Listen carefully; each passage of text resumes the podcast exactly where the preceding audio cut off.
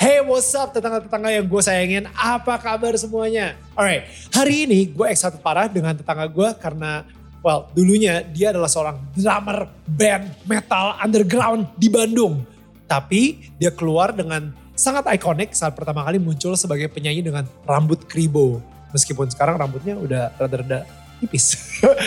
Tapi dia terkenal banget dengan lagu-lagu seperti Semusim, Firasat, Peri Cintaku, dan masih banyak lagi.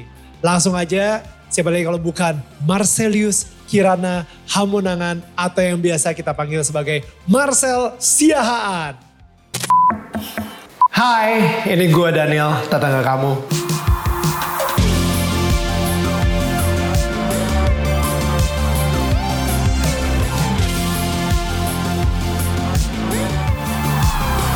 What's up? What's up? What's Gimana, up, Dan? bro? Good, good, good. Bro, gila. This is such an honor untuk uh, lu ada di sini sekarang ini di apartemen gue. No, you're wrong. This is mine. oh, My honor. stop it. But um, the thing is, gue terakhir kita ketemu di Semarang. Hmm. Kita ngobrol pas di Semarang. Hmm. Um, lu saat itu, wah pokoknya lu ceritain ke gue banyak banget soal uh, spiritual journey lu gitu. Dan padahal gue belum se-spiritual itu juga saat itu ketika kita ngobrol gitu ya. Tapi sekarang ini gue yang kayak begitu. Lo pikir gue udah gitu pada saat itu ya? Iya, Belum juga. belum juga ternyata. Masih nyari juga. masih nyari. Jadi um, it's so interesting uh, and and we gonna talk about that later gitu. Ya. Tapi sekarang ini yang paling paling pertama pengen gue ngomongin um, how how how are you? How's how's life during the pandemic? How's everything? Life has been good. Maksudnya gue eh, bukan apa ya, bukan mencoba untuk mendinai keadaan atau menafikan Hmm. keadaan bahwa memang pandemi ini eh, berdampak sangat besar pada semua orang di Ya. semua lini kehidupan gitu Ya. ya. Tapi gue eh, mungkin karena gue again gitu, God's grace apa pun itulah ya, pokoknya Hmm. gue merasa bahwa gue punya keluarga yang support ya, Hmm. itu yang yang selalu gue merasa inilah rezekinya gue gitu ya. Right. Dan akhirnya gue bisa melihat bahwa pandemi ini justru banyak sekali membawa eh, apa kebaikan-kebaikan, Hmm. banyak sekali yang membawa perubahan gitu. Bahkan kalau bisa bilang gue gue belajar banyak hal menjadi diri gue sendiri, eh, belajar dari nol gitu dan gue sadar bahwa oke, gue makin sayang sama diri gue ternyata. Ternyata Oh, diri wow. gue tuh ya se sehebat itu ternyata. Gue selama ini nggak nggak nggak nggak percaya. Ternyata gue bisa melakukan banyak hal yang gue bahkan nggak pernah tahu itu bisa gue lakuin. Oke. Iya. Gue gue penasaran sih. Jadi sebelumnya you don't have this kind of self love? Kayak lu nggak nggak menyayangi diri lu sebegitunya atau lu selalu menganggap diri lu itu lebih kecil dari yang sebenarnya? Sejujurnya ya Dan, karena gini, eh, ini mungkin nanti bisa kita ngobrol ya, karena gue selalu punya rasa, apa ya, rasa nggak percaya diri gitu. Mungkin lo kaget Oke. Marcel gitu gak Iya, percaya diri. Ya, iya. Itu yang terjadi. Wow. Nggak percaya diri mungkin karena banyak sekali hal-hal yang terjadi di masa kecil gue atau di perjalanan hidup gue gitu ya. Nanti lo akan lihat kenapa eh, akhirnya mungkin kita sepakat menyebut Marcel Siahaan adalah entitas yang anomali gitu. ya. anomali. That's Ya, interesting. nah, Oke. ini Interesting ya. Oke, we Nanti will talk about it later. Yes. Ya, jadi eh, banyak hal yang ternyata gue anggap ini eh, ah ini bagian dari gue gitu, Hmm. Eh, biasa dan gue akhirnya melihat itu sebagai sesuatu yang biasa terjadi Oke. Eh, dan itu menjadi comfort zone gue. Oke. Itu ternyata nggak, gue nggak bilang salah tapi ini ternyata nggak tepat. Mungkin jadi self defense mechanism ya yang Ya. udah lu buat Itu gara-gara waktu kecil Mhm. uh, it works. Itu it works. Iya. Jadi bukan comfort zone, lebih ke uh, tembok. betul. You know, jangan sampai ada orang yang bisa nge ngeliat di balik tembok tersebut Yes. ternyata Marcel yang sebenarnya itu yang lu kata-katanya paling benar. lu kadang-kadang mungkin underestimate juga Iya, gitu. iya. Oh sangat, sangat, sangat. Let's talk about your origin story dan. Maksudnya um, lu Hmm. tadi bilang lu adalah so entitas yang Entitas. anomali. Entitas yang anomali. Gila itu berat banget sih bahasanya sih. entitas yang anomali. Can- Um, so lu ada darah Ambonnya, ada Ya. darah Jawanya, ada Hmm. darah Bataknya juga. Like tell tell us about that gitu. Maksudnya uh, what's your family like? Gue timbul sebagai eh, pribadi yang hi- eh, hidup di tengah-tengah beberapa kultur. Oke. ya dan dan kulturnya kultur yang eh, liberating sebetulnya Hmm. Eh, apa free thinking Hmm. relax nggak nggak ribet Right. suka musik bukan profesional tapi suka musik Right. Terus yang eh, Batak lah ya, nyanyi mulu mana-mana. No, gitu. justru bukan dari Bataknya, juga. bukan dari Bataknya Dari justru. mana? Eh, bokap gue suka musik, tapi yang benar-benar eh, ngasih secara serius eh, menyuntikan musik-musik itu justru dari keluarga Jawanya dan Ambon. Oh menarik. Oke. Iya, iya. Ya. Dan gua kan eh, besar di Bandung. Hmm. Wah, itu udah kultur satu lagi tuh. Hmm. ya kan? Sundanya ada Terus juga. teman-teman gue banyak kan adalah eh, Chinese. gitu. Hmm. Karena gue sekolah di Santo Aloysius dari kecil Hmm. sampai kuliah. Oke. Untung kuliahnya gue di Fakultas Hukum di Unpar. Kalau gue masuk manajemen, ketemunya itu tuh lagi sama Chinese gue itu lagi, itu lagi. But I'm, I'm- I was so happy. Maksudnya gini, berada di dalam di dalam kultur yang yang berbeda-beda itu, walaupun ya pasti ada ada friction, ya kan, Hmm. ada ada disrupsi-disrupsi. Tapi gue ternyata tumbuh menjadi orang yang gue bisa appreciate dengan banyak hal gitu, yang kayak Right. gue mengerti dari sisi pandang oh orang ini ngomong begini karena dia punya latar belakang begini di di apa di sukunya dia Hmm. atau ketika teman gue bilang begini oh gue ngerti keluarga dia memang begitu adatnya kental banget dan sebagainya Right. gue gue bisa bisa mingle gitu ya jadi eh gue eh, ketika melihat banyak konflik di di sekitar kita mengenai apa pun itu yang ada hubungannya dengan eh, antar agama antar etnis atau apa pun itu gue Hmm. agak kaget Hmm. gue kaget Hmm. karena gue tidak pernah merasakan itu Hmm. dari kecil ya jadi yang latar belakang eh, keyakinan juga banyak di rumah gue Hmm. ya kan Eh, percampuran eh, pernikahan juga banyak di gue jadi yang kayak semuanya tuh terjadi menjadi satu gitu di di keluarga gue dan kita semua happy Wow. jadi kayak misalnya dulu eh, kakek gue sama nenek gue kan nikah campur ya Hmm. kakek Ka- gue kakek apa? kakek gue muslim tapi ya dia karena dia punya masih ada keturunan terah dari kerajaan di Jawa gitu ya.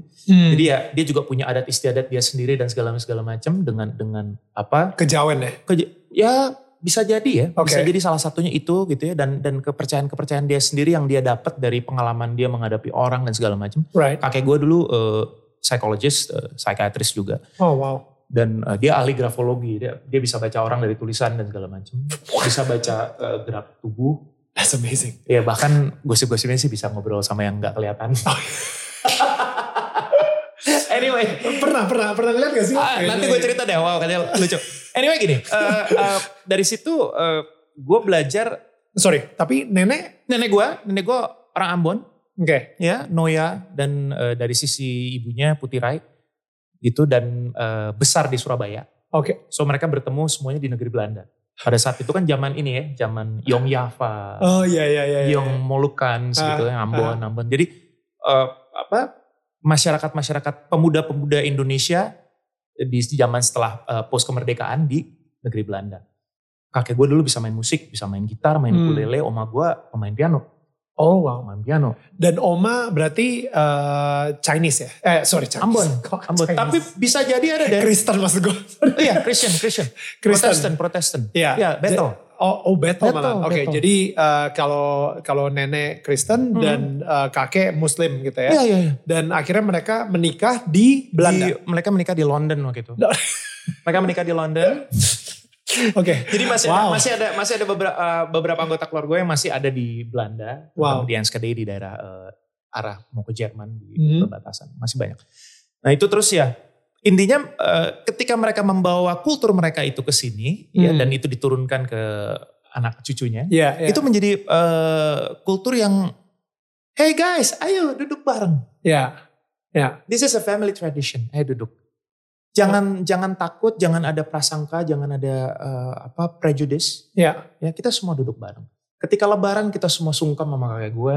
Hmm. Ketika ketika Natal kita semua datang ke nenek gue, kita Hmm. duduk, kita ngobrol, kita cerita, happy. Wow. Dan kita ada satu ada satu apa ritual setiap tahun baru itu kita selalu ngumpul, kita bermaaf-maafan, kita nangis-nangisan. Oke, kita buka lembaran baru.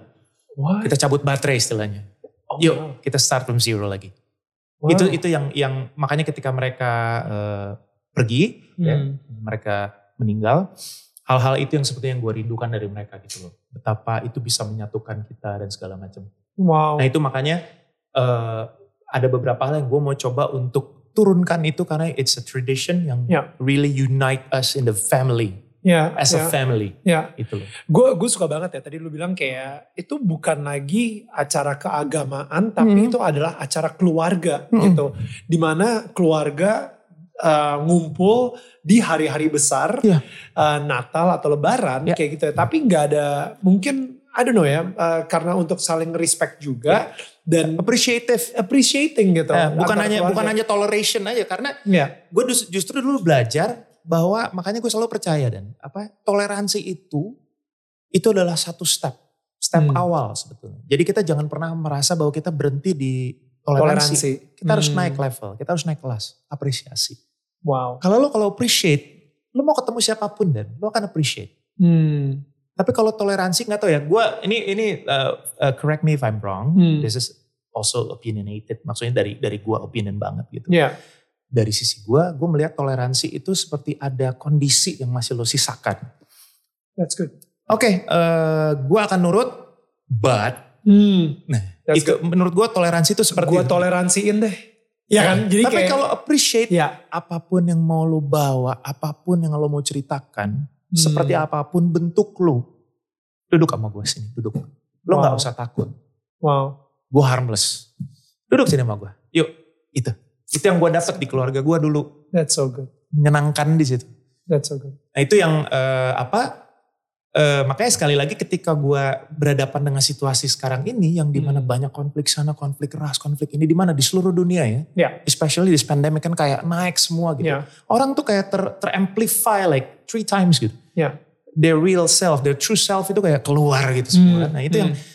Gue tuh justru malah pengen gimana caranya menguatkan terutama anak-anak gue nih cowok-cowok nih ada tiga nih cowok nih gimana caranya mereka punya mereka punya value system atau structure yang eh, mereka bisa bisa bisa tangkap dengan cara mereka sendiri Hmm. supaya mereka bisa appreciative terhadap Hmm. diri mereka diri orang lain dan gue selalu percaya sama sama bini gue Rima selalu dia bilang bahwa self love itu harus diartikan sebagai kita akan kepenuhan cinta setiap hari gitu ya kita harus membuka diri kita untuk memasukkan semua itu sampai nanti semuanya akan istilahnya melebar ke mana-mana dia akan keluar kayak gelas kepenuhan dia akan keluar Hmm. kita nggak perlu nggak perlu nunggu kan kita cuman menampung cinta itu aja gitu. Tapi gimana cara lu ngisi si Hmm. self love tersebut? Maksudnya banyak orang mungkin yang lagi Hmm. nonton pun juga ini gelasnya kosong. Gitu. iya. Jadi Hmm. lu ngisi self love-nya pakai apa biasanya? Self love itu gue melihat dari banyak sekali. Kalau gue memang gue orangnya seeker, gue mencari. Hmm. Gue selalu suka dengan fenomena-fenomena yang terjadi. Dan entah kenapa mungkin karena eh, kondisi-kondisi yang anomali tadi di gue itu, gue jadi punya waktu lebih untuk mengobservasi apa yang terjadi di sekeliling gue. Hmm. Sign-sign kecil dan gue percaya, again it's God, uh, God's grace gitu ya. Itu itu God's willing gitu. Bahwa segala sign ini dikasih diperuntukkan untuk gue benar-benar cerna ini ke mana arahnya gitu Hmm. dari situlah kemudian gue bisa memutuskan wah bagaimana cara gue eh, apa mencintai diri gue tanpa tanpa menjadikan diri gue sebagai central of the universe gitu Hmm. gitu pada akhirnya karena eh, mencintai diri sendiri itu pastinya akan akan berjalan linear dengan eh, membagi cinta lo berjalan dengan cintanya orang lain juga Ya, ya, Ya ya, kan? ya. gitu loh Ya, gimana ya That's good. No, no, Bener, ya? emang bener tuh. Kadang-kadang orang Hmm. mikir kalau misalnya lu mencintai diri sendiri itu kesannya selfish. Hmm, Itu kesannya hmm. egois gitu. Kayak lu gak mencintai orang lain tapi lu terlalu mencintai diri lu sendiri gitu. Hmm. Padahal sebenarnya it's not about that. Bukan. Self-love is not about that gitu. Iya. Um, which nanti kita mungkin bisa bahas lebih dalam lagi gitu Hmm. soal self-love ini. Um, Hmm. Khususnya di masa pandemi ketika lo ngelewatin beberapa hal gitu ya. Iya. Tapi balik lagi ke anomali. yang tadi lu bilang itu ya kan. lo mulai suka ya kata. Kenapa? Iya, I love it, I love it. Gue dari dulu, bukannya apa? Gue dari dulu emang suka kata-kata Iya, anomali. Karena iya. gue sendiri relate banget ke lo. gue gini, em, bokap nyokap sama adik gue, Mm-mm. itu kalau misalnya olahraga, sama tuh mereka. Hmm. Mereka sekarang ini lagi suka main golf. Gitu. Di mana gue gak suka banget main golf. Em, mereka suka main tenis. Pas gue mulai nyoba-nyobain tenis, mereka udah akhirnya berubah ke badminton. Ah, Oke oke. Ya udah, kayak gue pengen ikutan deh gue main badminton. Lo cuma mingle kan? Eh gue cuma mingle gitu. Jadi akhirnya gue kayak kayak apa ya? Gue selalu beda gitu. You know, I feel different in the Iya. family. Bukan bukan hanya karena uh, for the uh, for the sake of being different, tapi memang Emang gue gak Nggak suka aja, sama exactly. Ah, gue betul, gak bisa betul. gak bisa nyampur aja. Nah, Yes. jadi ketika lu ngomong tadi lu ngerasa anomali, itu gue sangat relate banget dan gue yakin banget sekarang yang lagi nonton pun juga ada yang relate juga gitu kayak Iya, iya, oh iya. gila ini gue banget Iya, di iya, keluarga iya, gue iya, iya, iya. dan sehingga kalau misalnya di keluarga gue gue ngerasa anomali Hmm. di lingkungan sekolah Iya. sampai di lingkungan kerja di dunia artis pun gue ngerasa anomali Iya, you know what I mean? Like di sekarang ini gitu. Dan gue salut sama orang-orang yang bisa apa apa terus gitu gitu ya maksudnya istiqomah terus begitu gitu sedangkan kayak, confident aja honest. aduh hebat gitu hebat Iya. sekali itu Dulu ketika gue uh, di sekolah ngerasa anomali gitu ya, Mhm. uh, gue ngerasa reject, gue ngerasa ditolak, Hmm. gue ngerasa um, apa, gue nggak terlalu cool buat mereka, and yet gue nggak senerdi nerdi itu juga sih. gitu. Hmm. Jadi gue ngerasa kayak I'm in between. Lu berarti speaking of in between, lu anak keberapa by the way? Gua itu bisa dibilang eh, apa anak ketiga ya, Oke. anak ketiga betul. Oke. Karena gue punya satu kakak yang eh, apa berbeda ayah, Uh-huh. perempuan. Lalu kedua eh, abang gua, Oke. laki. Lalu sebelum itu sebetulnya udah ada lahir lagi satu, cuman eh, dia hanya bertahan beberapa jam Hmm, ya dan akhirnya meninggal. Lalu gua Oke. dan terus kemudian agak lama baru kemudian terbitlah adik gua satu. Berapa gapnya berapa tahun? Sama adik gua tuh tujuh ya, tujuh tahun ya. Oh wow. Hmm, Oke. hmm, hmm. Jadi gue sempat merasakan yang eh, menjadi anak bungsu gitu ya dengan Hmm. dengan segala macam hard headednya, dengan segala macam stubbornnessnya, menyebalkan menyebalkannya gitu. Eh tiba-tiba muncul nih tiba-tiba tiba adik gue. Dan kemudian lu langsung gue langsung berubah jadi yang harus oke oke gue harus di tengah nih gitu kan. Wow. Apa middle middle child middle child issue gitu Ya, ya. ya. Aduh gimana. Ya. Cuman ya itu eh, kalau gue cerita mengenai anomali ya, dan ini gue ini gue share sedikit kenapa gue bisa bilang gue anomali. Ya dulu itu kakak gue yang paling tua, yang perempuan itu dia Katolik Hmm. ya, dibaptis gitu Hmm. kan. Terus eh, abang gue yang cowok juga begitu, dibaptis komuni pertama. Pokoknya prosesnya jalan. Bahkan dia mendapatkan ASI sampai umur dua setengah tahun kalau dari pengakuan nyokap gue. Wow, Ya dua setengah tahun. Nah ya gue loncat dulu ke adik gue ya. Oke. Adik gue, dia Katolik, he was a Catholic, dan dia mendapatkan ASI sampai umur empat setengah tahun. Eh buset. Iya, Lama. iya, Wow. iya kan kalau mama, mammals kan mamalia kan sampai lima tahun kan. Iya, you know, Wow. ya. Oke. Marcelius Kirana Hamonangan Siahaan ini satu-satunya anak di keluarga yang pada saat pengen ASI, dia cuma dikasihnya susu formula karena nyokap gue sama sekali ASInya nggak keluar. Oke. Dan gue tidak dibaptis. Gue tidak komuni pertama. Gue baru dibaptis katekisasi itu kelas 5 SD, kelas 6 SD. What? Wait, wait. Kenapa? Nggak, pernah, dia lupa aja atau gimana Gak kayak? mungkin lupa ngentah. Maksudnya kayak, oh udahlah yang abang kan udah, yang kedua apa-apa gitu. Jadi satu one Udah. get one. Udah yang ini mah bisa survive gitu. I don't know, ya ini hal yang menurut gue, gue tidak gue tidak tidak sedih gitu, tapi justru gue melihat, oh mungkin ini adalah perjalanan yang harus gue jalanin. Hmm. Dan oke aja gue jalan-jalan aja gitu. Dan akhirnya gue dulu sempat putra altar dan segala macam. Ya, ya, ya. Bahkan lu putra altar untuk ngebuktiin ke nyokap lu kalau misalnya gue juga bisa jadi katolik tanpa harus dibaptis gitu misalnya no, atau no. lu Maksudnya emang bener-bener- akhirnya gue dibaptis. Akhirnya gue katekisasi, gue dibaptis. Right. Ya kan. Terus komuni pertama dan akhirnya gue jalan-jalan-jalan gue tertarik dengan dunia eh, spiritual di Katolik. Dan Hmm. kemudian ya gue memutuskan untuk menjadi salah satu anggota putra altar. Wow. Yang gue juga suka gitu melayani, to serve ya kan. Hmm. Apa, eh, menjalani ritualnya Right. yang kayak yang misalnya kan kalau misa kan biasanya ada beberapa jam berapa jam tuh ya. Hmm, hmm. Eh, Jam 7, setengah 9, jam 10. Terus ada Hmm. jam 5 sore. Ya, Ada yang, oh sorry, 5.45 dulu, jam 7, setengah 9, jam 10, terus jam 5 sore. Wow. Itu gue tuh eh, rela tuh menunggu berjam-jam untuk oke, gue jam 7 dulu untuk nanti gue misal lagi.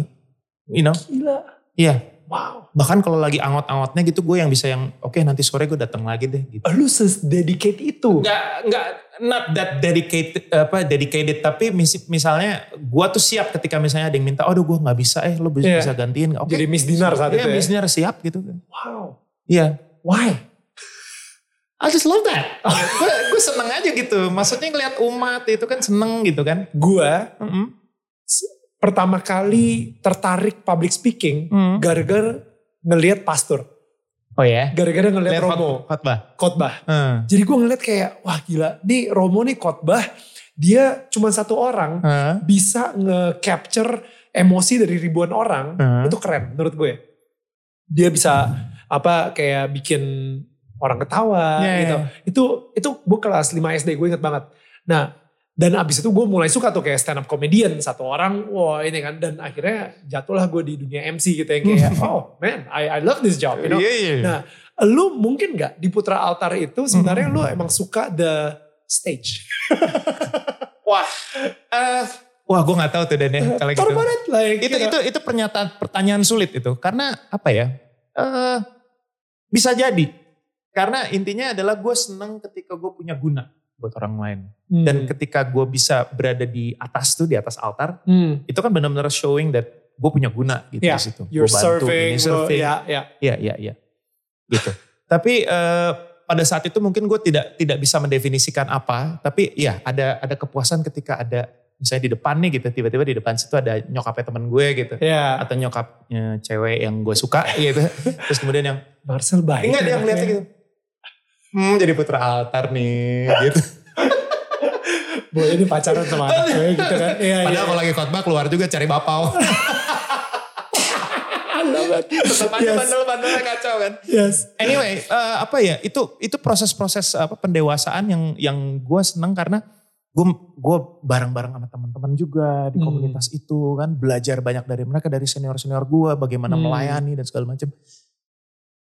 Kerasan, enak. Bahkan gue sempat berpikir bahwa lucu juga kayaknya kalau masuk seminari gitu. Jadi pastor. Iya, jadi Oh pastor. my god. Sempet, Dan itu juga se- sempet kepikiran dan- bro. It's okay. Dan itu semua hancur ketika gue mulai main skateboard. Gue mulai main band, oh iya band lu bukan band. band metal. Ah, Iya. Iya. Pupen lah ya, Iya, maksudnya pupen, pupen tuh band pupen gitu. metal. Nah. Yes. Iya iya iya. Iya, iya, iya. Udah iya, hancur iya. itu semua. Dan mulai eh, mulai ada ketertarikan dengan lawan jenis ya. Hmm. Ya, itu sudah mulai itu kayak Hmm. hmm, lucu ya. Gitu. Hmm. Mulai itu deh. Ah, mulai nggak konsen. Abis itu gereja suruh bilang katanya kalau pacaran itu jangan pacaran lama-lama langsung nikah aja gitu. Aduh kayaknya enggak deh ya, enggak sesuai Hmm, gitu. enggak, Akhirnya iya. mulai melipir. Melipir. mundur, mundur teratur gitu.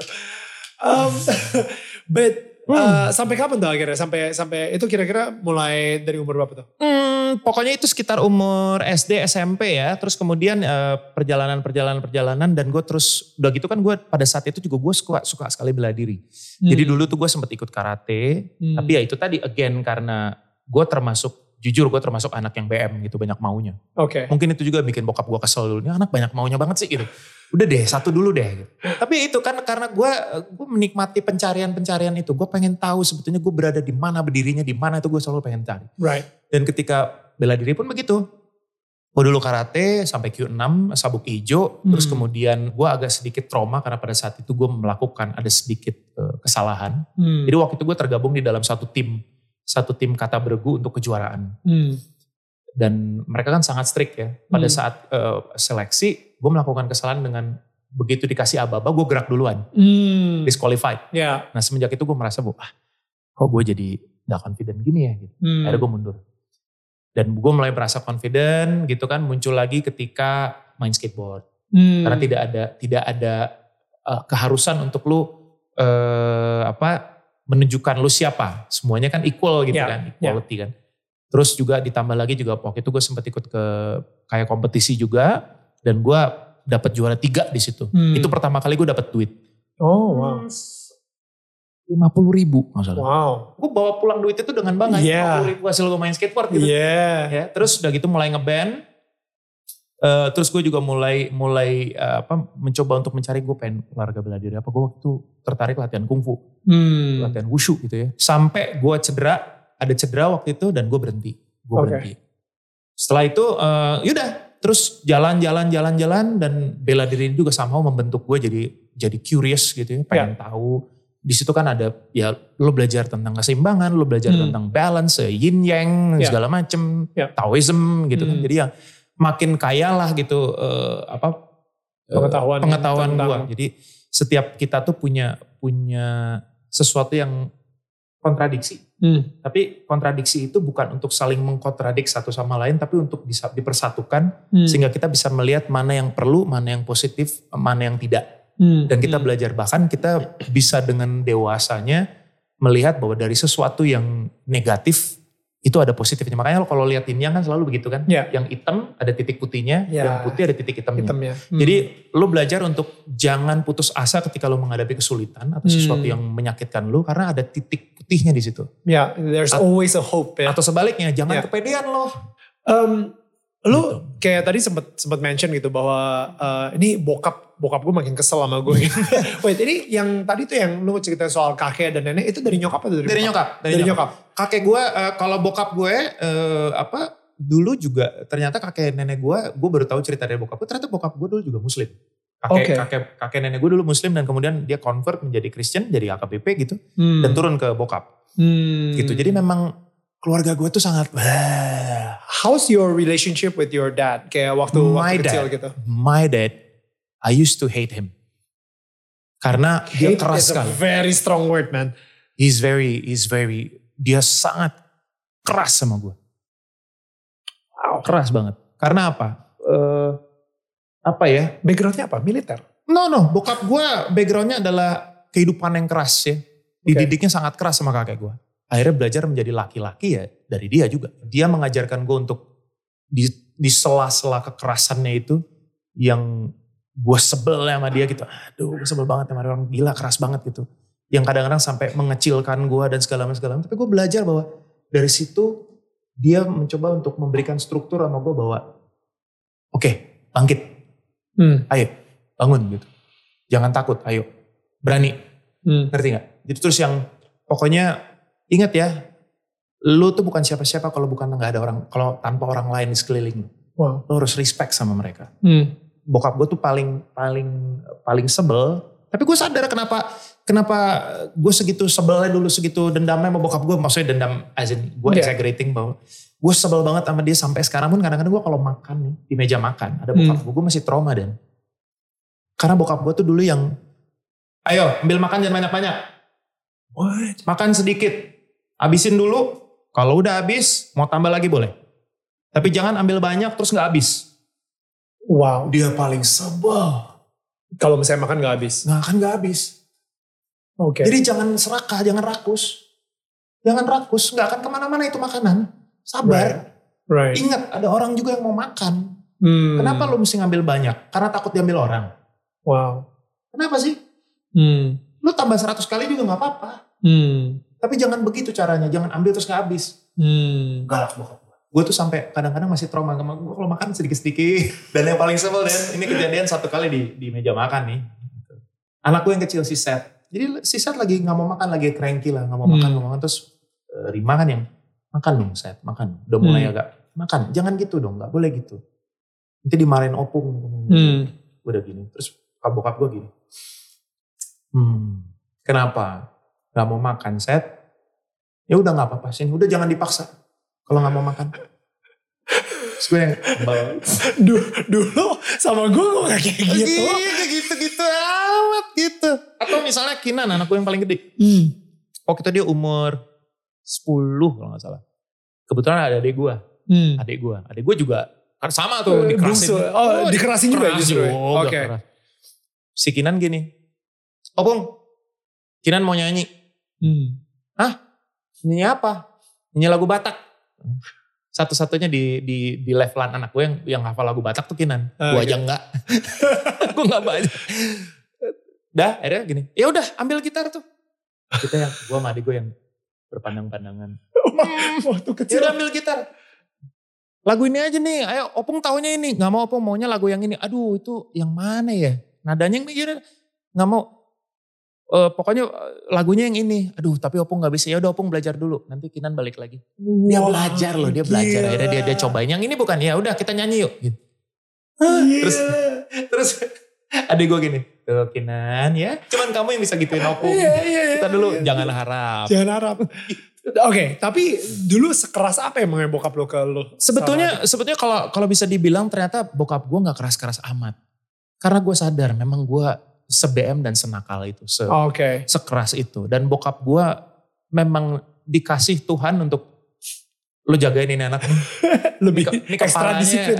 kepalanya kekerasan ini, lu mesti ada. Kalau enggak nih ngaco nih.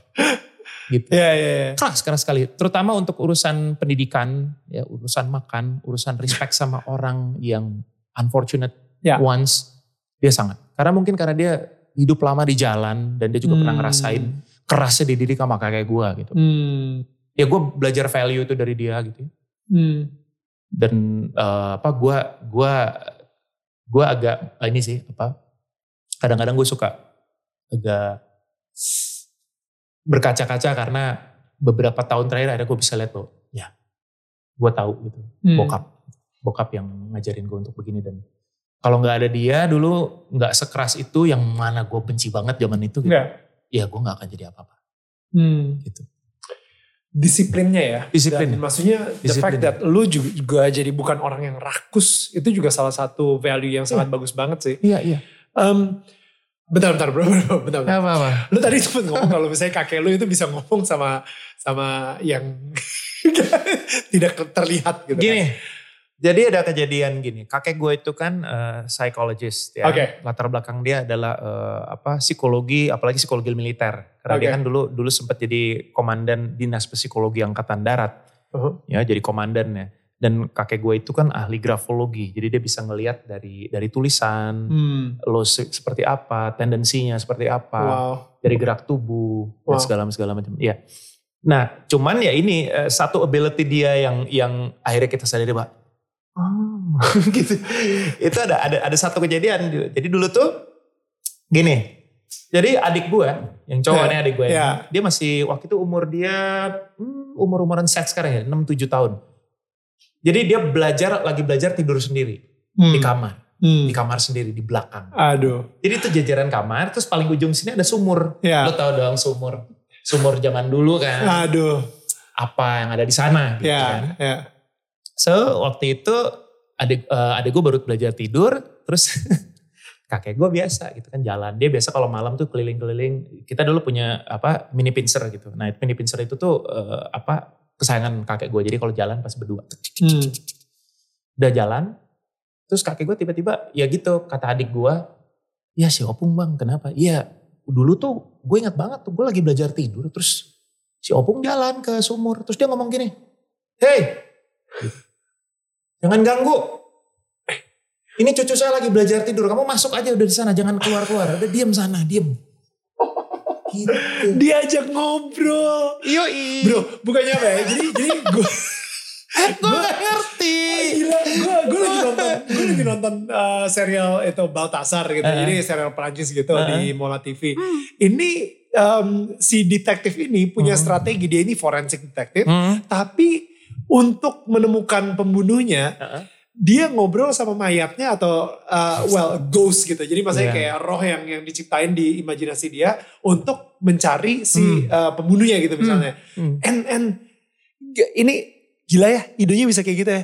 Ini serial dari Perancis dan gue kayak kecanduan banget nonton ini gitu. Kayak ngingetin gue. intinya intinya gini aja kalau ngeliat yang kayak gitu-gitu nggak usah nggak usah di deny Iya. tapi anggap aja bahwa ilmu kita belum nyampe udah itu teknologi yang kita belum belum bisa sentuh itu Hmm. aja gampang karena dulu lu bisa bayangin kalau zaman Sriwijaya atau zaman Majapahit tiba-tiba Hmm. kita kasih handphone gitu kan mereka juga Apa apa, ini?" ini, gitu Ya, bisa ya. ngobrol sama orang dari mana gitu Ya, Ya, ya. sama mungkin dengan kita sekarang kalau lihat kayak gitu ya itu betul. teknologi yang kita teknologi lama banget yang kita mungkin mungkin lama mungkin juga nggak tahu baru sih. kita juga nggak tahu kan ya mungkin akan datang. Iya bisa jadi. Pokoknya intinya kita belum bisa nyentuh itu. Ya, ya, Seperti ya, itu ya, terjadi. ya, makes sense. I love Iya. that. Um, lu pas jadi Buddhis ceritanya gimana? Kalau Buddhism itu gue memang sempat tertarik untuk untuk mempelajari eh, berbagai macam hal karena gue selalu gue selalu pengen tahu gitu. Kenapa ini, kenapa begitu, kenapa harus begini, kenapa harus begitu. Buddhism itu yang menarik kan sebetulnya adalah eh, mengajarkan untuk kita eh, percaya pada eh, segala sesuatu ini tidak ada yang kebetulan itu yang paling awal kan. Hmm. Ada yang kebetulan nih semuanya. Ini terjadi karena karena apa eh, sesuatu yang memang sudah ada, ada akibat sebab ada sebab dan ada akibat. Ya. Itu yang kemudian eh, kemudian mendasari gue bahwa hmm, relate juga, Oke. relate dan dan itu sangat seperti apa menina bobokan rasio dan logika gue karena gue dari dulu selalu percaya gini dan eh, logika dan nurani itu seharusnya tidak bertentangan. Hmm. Itu ibarat kayak di kayak di perusahaan itu lo kayak kayak komisaris ya kan komisaris dan direksi. Hmm. Mereka seharusnya saling mengempower. Ya. ya kan? Jadi tidak tidak menegasikan Hmm. harusnya gitu loh. Hmm. Dia harus bareng di jalannya gitu.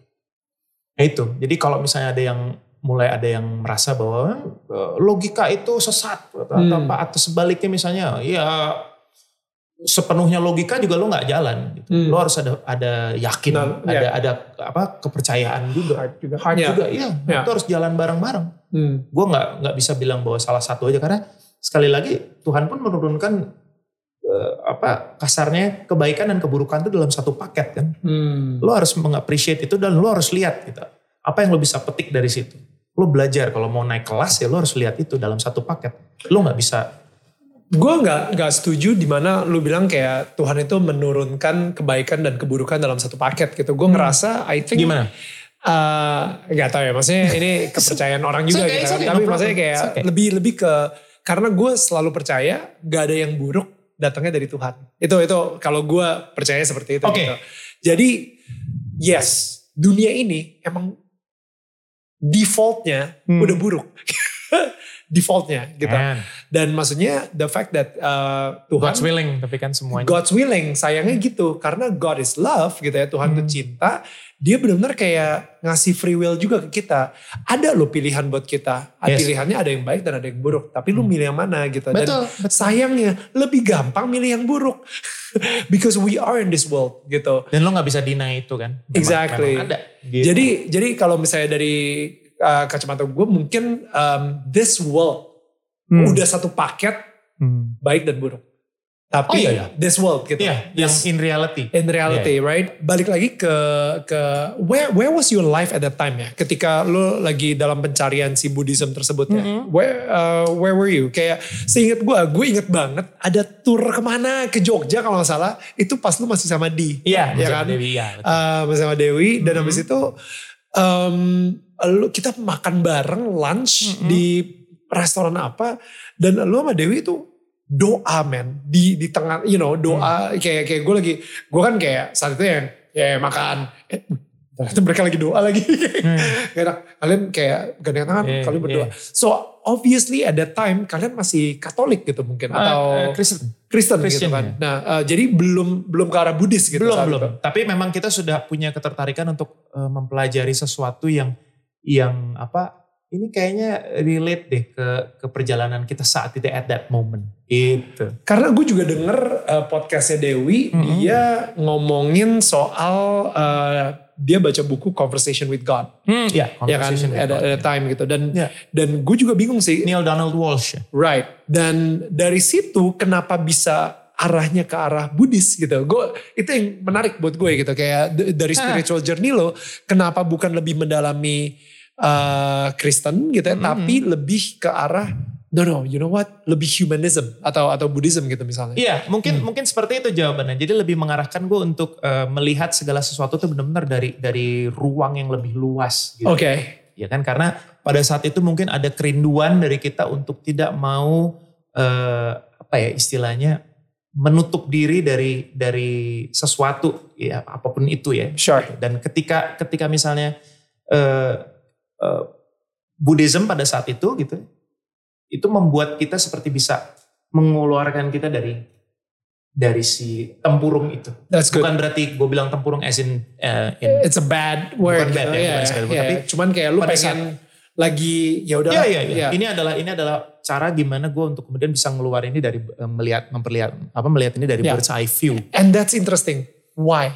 Kenapa, kenapa Hmm. lu pengen ngelihat lebih jauh lagi? Kenapa? Like Karena eh, kalau gue pribadi gue melihat gue hanya hanya pengen mencari yang eh, yang paling nyaman, yang paling Hmm. eh, enak buat gue bisa menjadi diri gue sendiri, Ya. bisa menjadi eh, apa my true self, ya ya bisa menjadi diri gue yang lebih baik tentunya dari beberapa momen sebelum ini. Intinya adalah ya sama seperti semua orang dan karena eh, pada saat itu juga gue udah percaya bahwa apa pun itu selama itu bisa membuat lo menjadi manusia yang lebih baik jalanin ya ya I like that. itu Gue gua uh, kenapa gue nanya lumayan lumayan detail soal itu Hmm. karena um, gue sendiri juga penasaran bro. Kayak kayak karena gue juga ngerasa I don't think it's good untuk kita bener-bener kayak lu bilang di tempurung tersebut.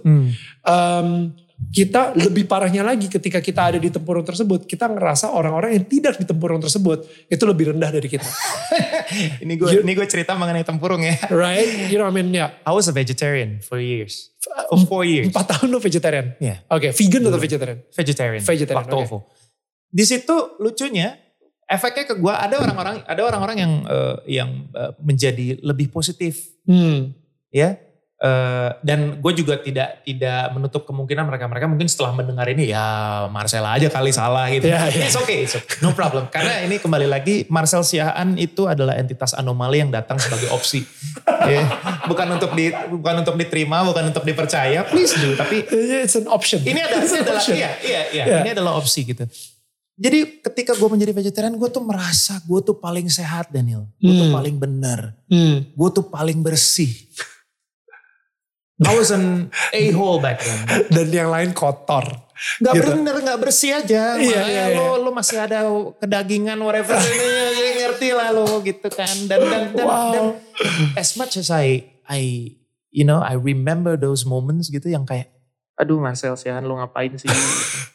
Kan ngerti gak? Yang kayak ketika bertanya, lo kayak lagi ada dapat mainan baru, Ya. terus ada orang yang eh lo main apa sih gitu terus Ya. yang gue yang dengan excited gue cerita ini nih ceritanya gini Ya. gini, gini nih Ya. gitu kan wow gitu orang nanya tiga gue jawab lima gitu. Ya. Ini ngerti ngerti kan padahal Iya, sebenarnya iya, iya. dengan orang secerewet gue sebetulnya tiga pertanyaan jawab satu aja udah cukup gitu Ya. ngerti gak? gue tuh yang lima jawab tuh delapan gitu yang akhirnya orang yang Iya, this is a bit too extreme ya. nggak nggak nggak too much lo too much gitu akhirnya mereka akhirnya mereka menjadi tidak nyaman Hmm. Bahkan gue sampai merasa di satu momen di mana eh apa ya perasaan sungkan gue muncul dan itu mungkin yang salah satu akhirnya eh, apa membuat gue jadi kayak eh ini nggak gini sih harusnya Hmm. orang-orang sampai pada jadi takut untuk duduk sama gue takut untuk makan bareng Sampai karena sungke iya, Hey, hey, segen. hey Iya. gue yang milih lo Iya. makan aja Iya, gitu iya. Gue gue makan daging di depan lo gitu kayaknya segen jangan gitu kan. takut Iya, iya, iya. makan aja please Enggak, gara, iya tapi tapi gue ngerti sih. Jadi kayak gue jadi makan, da- misalnya gue makan daging di depan lo, gue jadi ngerasa lo ngeliatin gue dengan mata yang cukup menghakimi gitu. Iya. Eh, you know, dari, men, gue padahal udah ngomongin ke lo loh. Lo tanya gue satu pertanyaan, gue jawab lo dengan lima, Iya. lima jawaban loh. Iya. Tapi lo tetap masih makan daging. dan, dan, dan ada dan ada momen-momen di mana ya ya gue merasa bangga Iya, Ah, iya, udah iya. lah gitu Marcel Iya, iya, iya. gitu kan. Please deh gitu kan. Enggak. Lah karena karena pada akhirnya lo tidak bisa lo tidak akan pernah tahu orang itu. Lo akan tidak pernah tahu orang-orang di sekeliling lo mereka survive seperti apa. Setiap orang tuh punya punya uh, survival momennya sendiri. Bagaimana mereka struggling. Respect that. Itu Hmm. aja yang gue dapat akhirnya gue memilih untuk ya udah.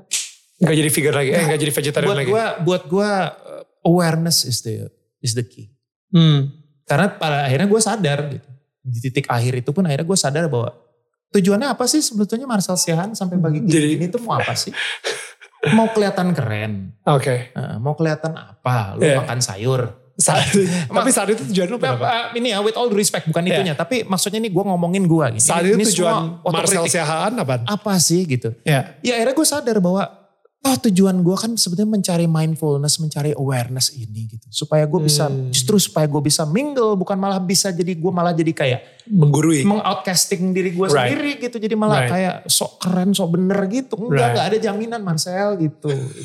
Ngop, ini conversation with myself gitu. Not conversation with God, this is with myself. With the a-hole Marcel. Eh, gue punya Marcel gitu. Akhirnya gitu ya udah. Akhirnya gue eh, apa?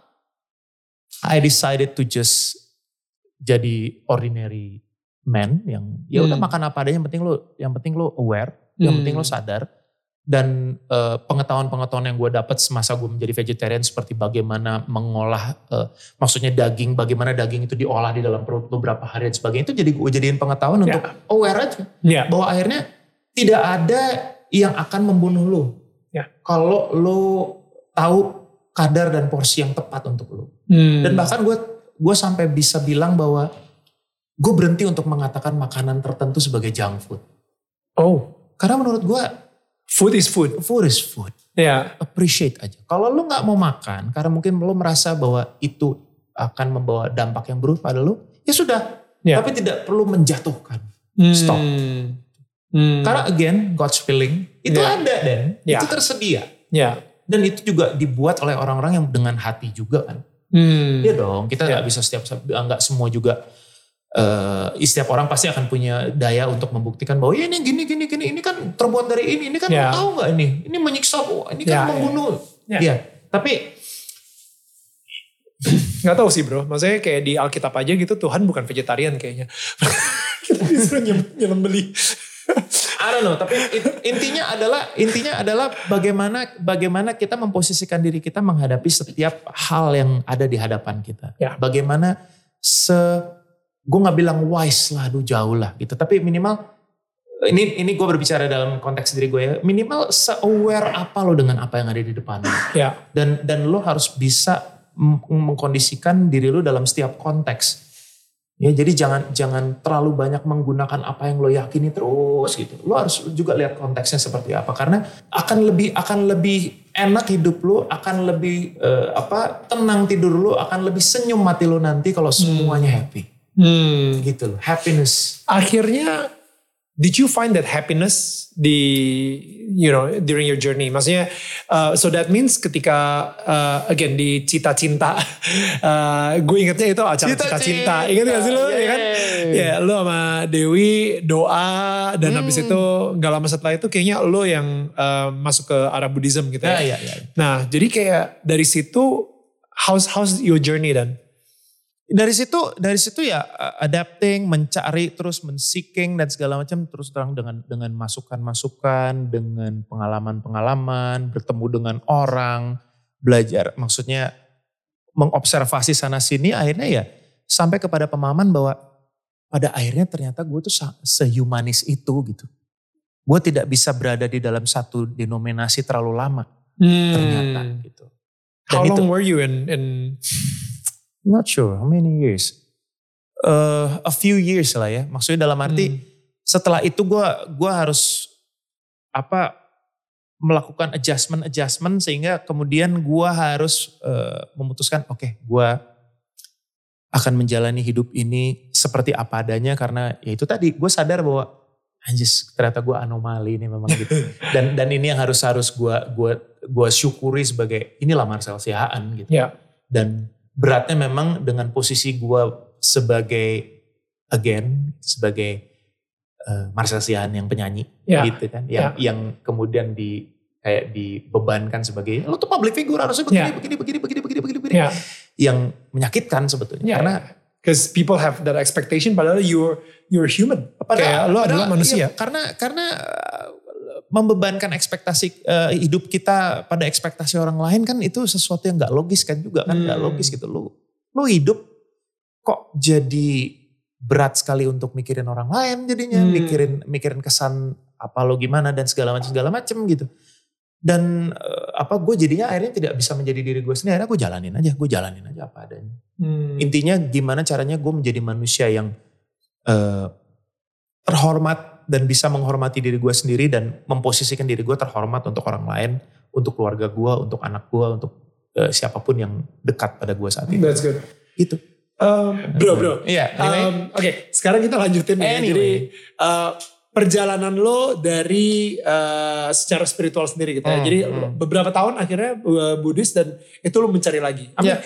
Lo mencari, jadi mungkin karena gue percaya, gue percaya gini nih. Hmm. um, agama itu berbeda ritualnya. Iya. Tapi spiritualnya itu sama. Ya. Itu gue percaya. Ya kan? Iya. So, dan, dan membawa lo ke mana somehow ya? Ya. Menuju jadi kepada- ada orang yang nyaman dengan ritual ke gereja tiap minggu. Ada orang yang nyaman dengan ke masjid tiap Jumat. Ya.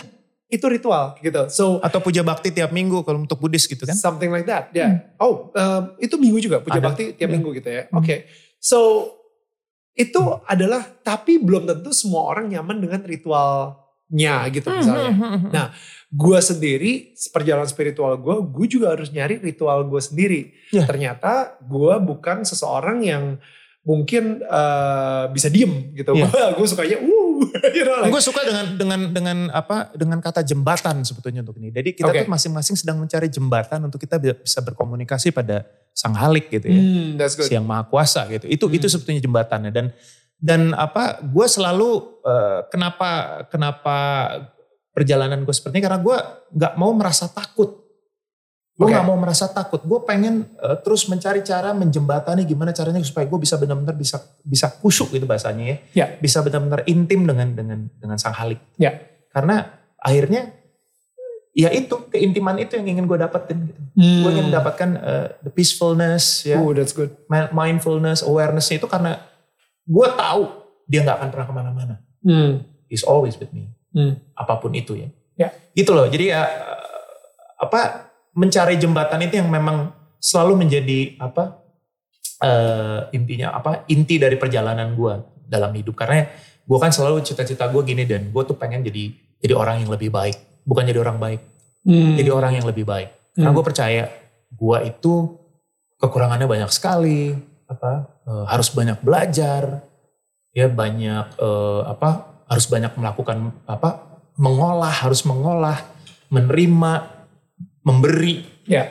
ya kan berkorban berkorban itu bukan sesuatu yang yang yang menyakitkan Hmm. karena gue sadar bahwa untuk bisa gaining something we need to let go of some- let go of something Hmm. harus dikorbankan Hmm. harus dikorbankan dan dan yang memang menjadi apa trikinya adalah ketika lu harus mengorbankan yang yang lu bilang ego itu Uh. itu yang paling berat So, lu berperang sama diri lu sendiri dan itu nggak akan bisa dibilang akan jadi perang yang yang akan selalu apa ya akan selalu ada nggak ada habisnya. nggak ada habisnya Ya.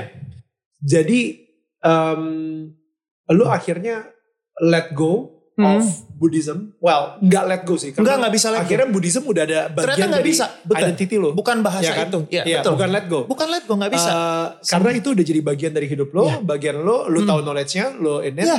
and then lu nggak bisa deny kan kalau udah dapet di sini exactly, Iya. it cannot be unseen, lo nggak bisa, it cannot be unheard gitu. Kayak Iya. lo udah denger semuanya dan Iya. lain-lain. Um, dan akhirnya lo mulai kalau misalnya dulu deh yang apa Katolik gitu ya putra altar mulai mundur secara teratur gitu gara-gara cewek teknis dan teknis lain-lain. kan Iya, teknis iya. kan cewek dan lain-lain gitu tapi ya. tapi si pemahamannya itu nggak hilang Gak hilang Nggak. gitu. Cuman mungkin ritualnya kali atau iya iya Iya. iya iya iya iya. Nah, akhirnya mulai mencari lagi. Nah. Next to the next level. Terus, ya. Right. Dan kita tadi lu bilang sih kayak kayak apa? bukan the next level the next hmm, phase the next phase, Iya. the next season, Season. ya musim berikutnya gitu Iya. ya. Ini soalnya kalau misalnya kita bikin kehidupan seorang Marcel Siahaan di seasonin, itu banyak men.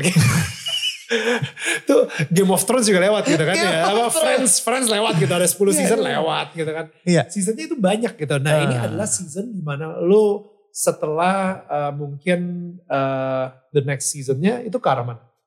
Eh, gua mempelajari Islam Oke. ya mempelajari Islam sambil juga gua mencari gua tuh gua tuh suka dengan ini gua tuh eh, suka dengan sesuatu yang ini kenapa ya begini sih kenapa Hmm. sih ini kok ini kok suka banget sih sama ini gitu Hmm. ini kok kenapa ya benci banget sama ini gue Hmm. penasaran karena apa gue tidak mau menjadi orang yang takut akan sesuatu yang gue tidak ngerti Uh. This is good. Yes. nangkep gak lo? Yes. iya kan? Bukannya apa, Sel? Gua sering banget eh lebih baik menghindar untuk sesuatu yang gue nggak tahu.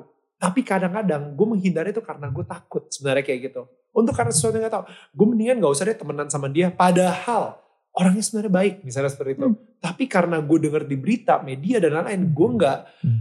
nggak berkenalan dengan dia secara personal karena ya nggak nanti padahal gue nggak kenal dia, gue nggak Iya. tahu dia, gue nggak prejudice kan? prejudice akhirnya, you know. Nah, dan itu akhirnya membuat gue lumayan apa ya, kayak jadi katak dalam tempurung lagi sih.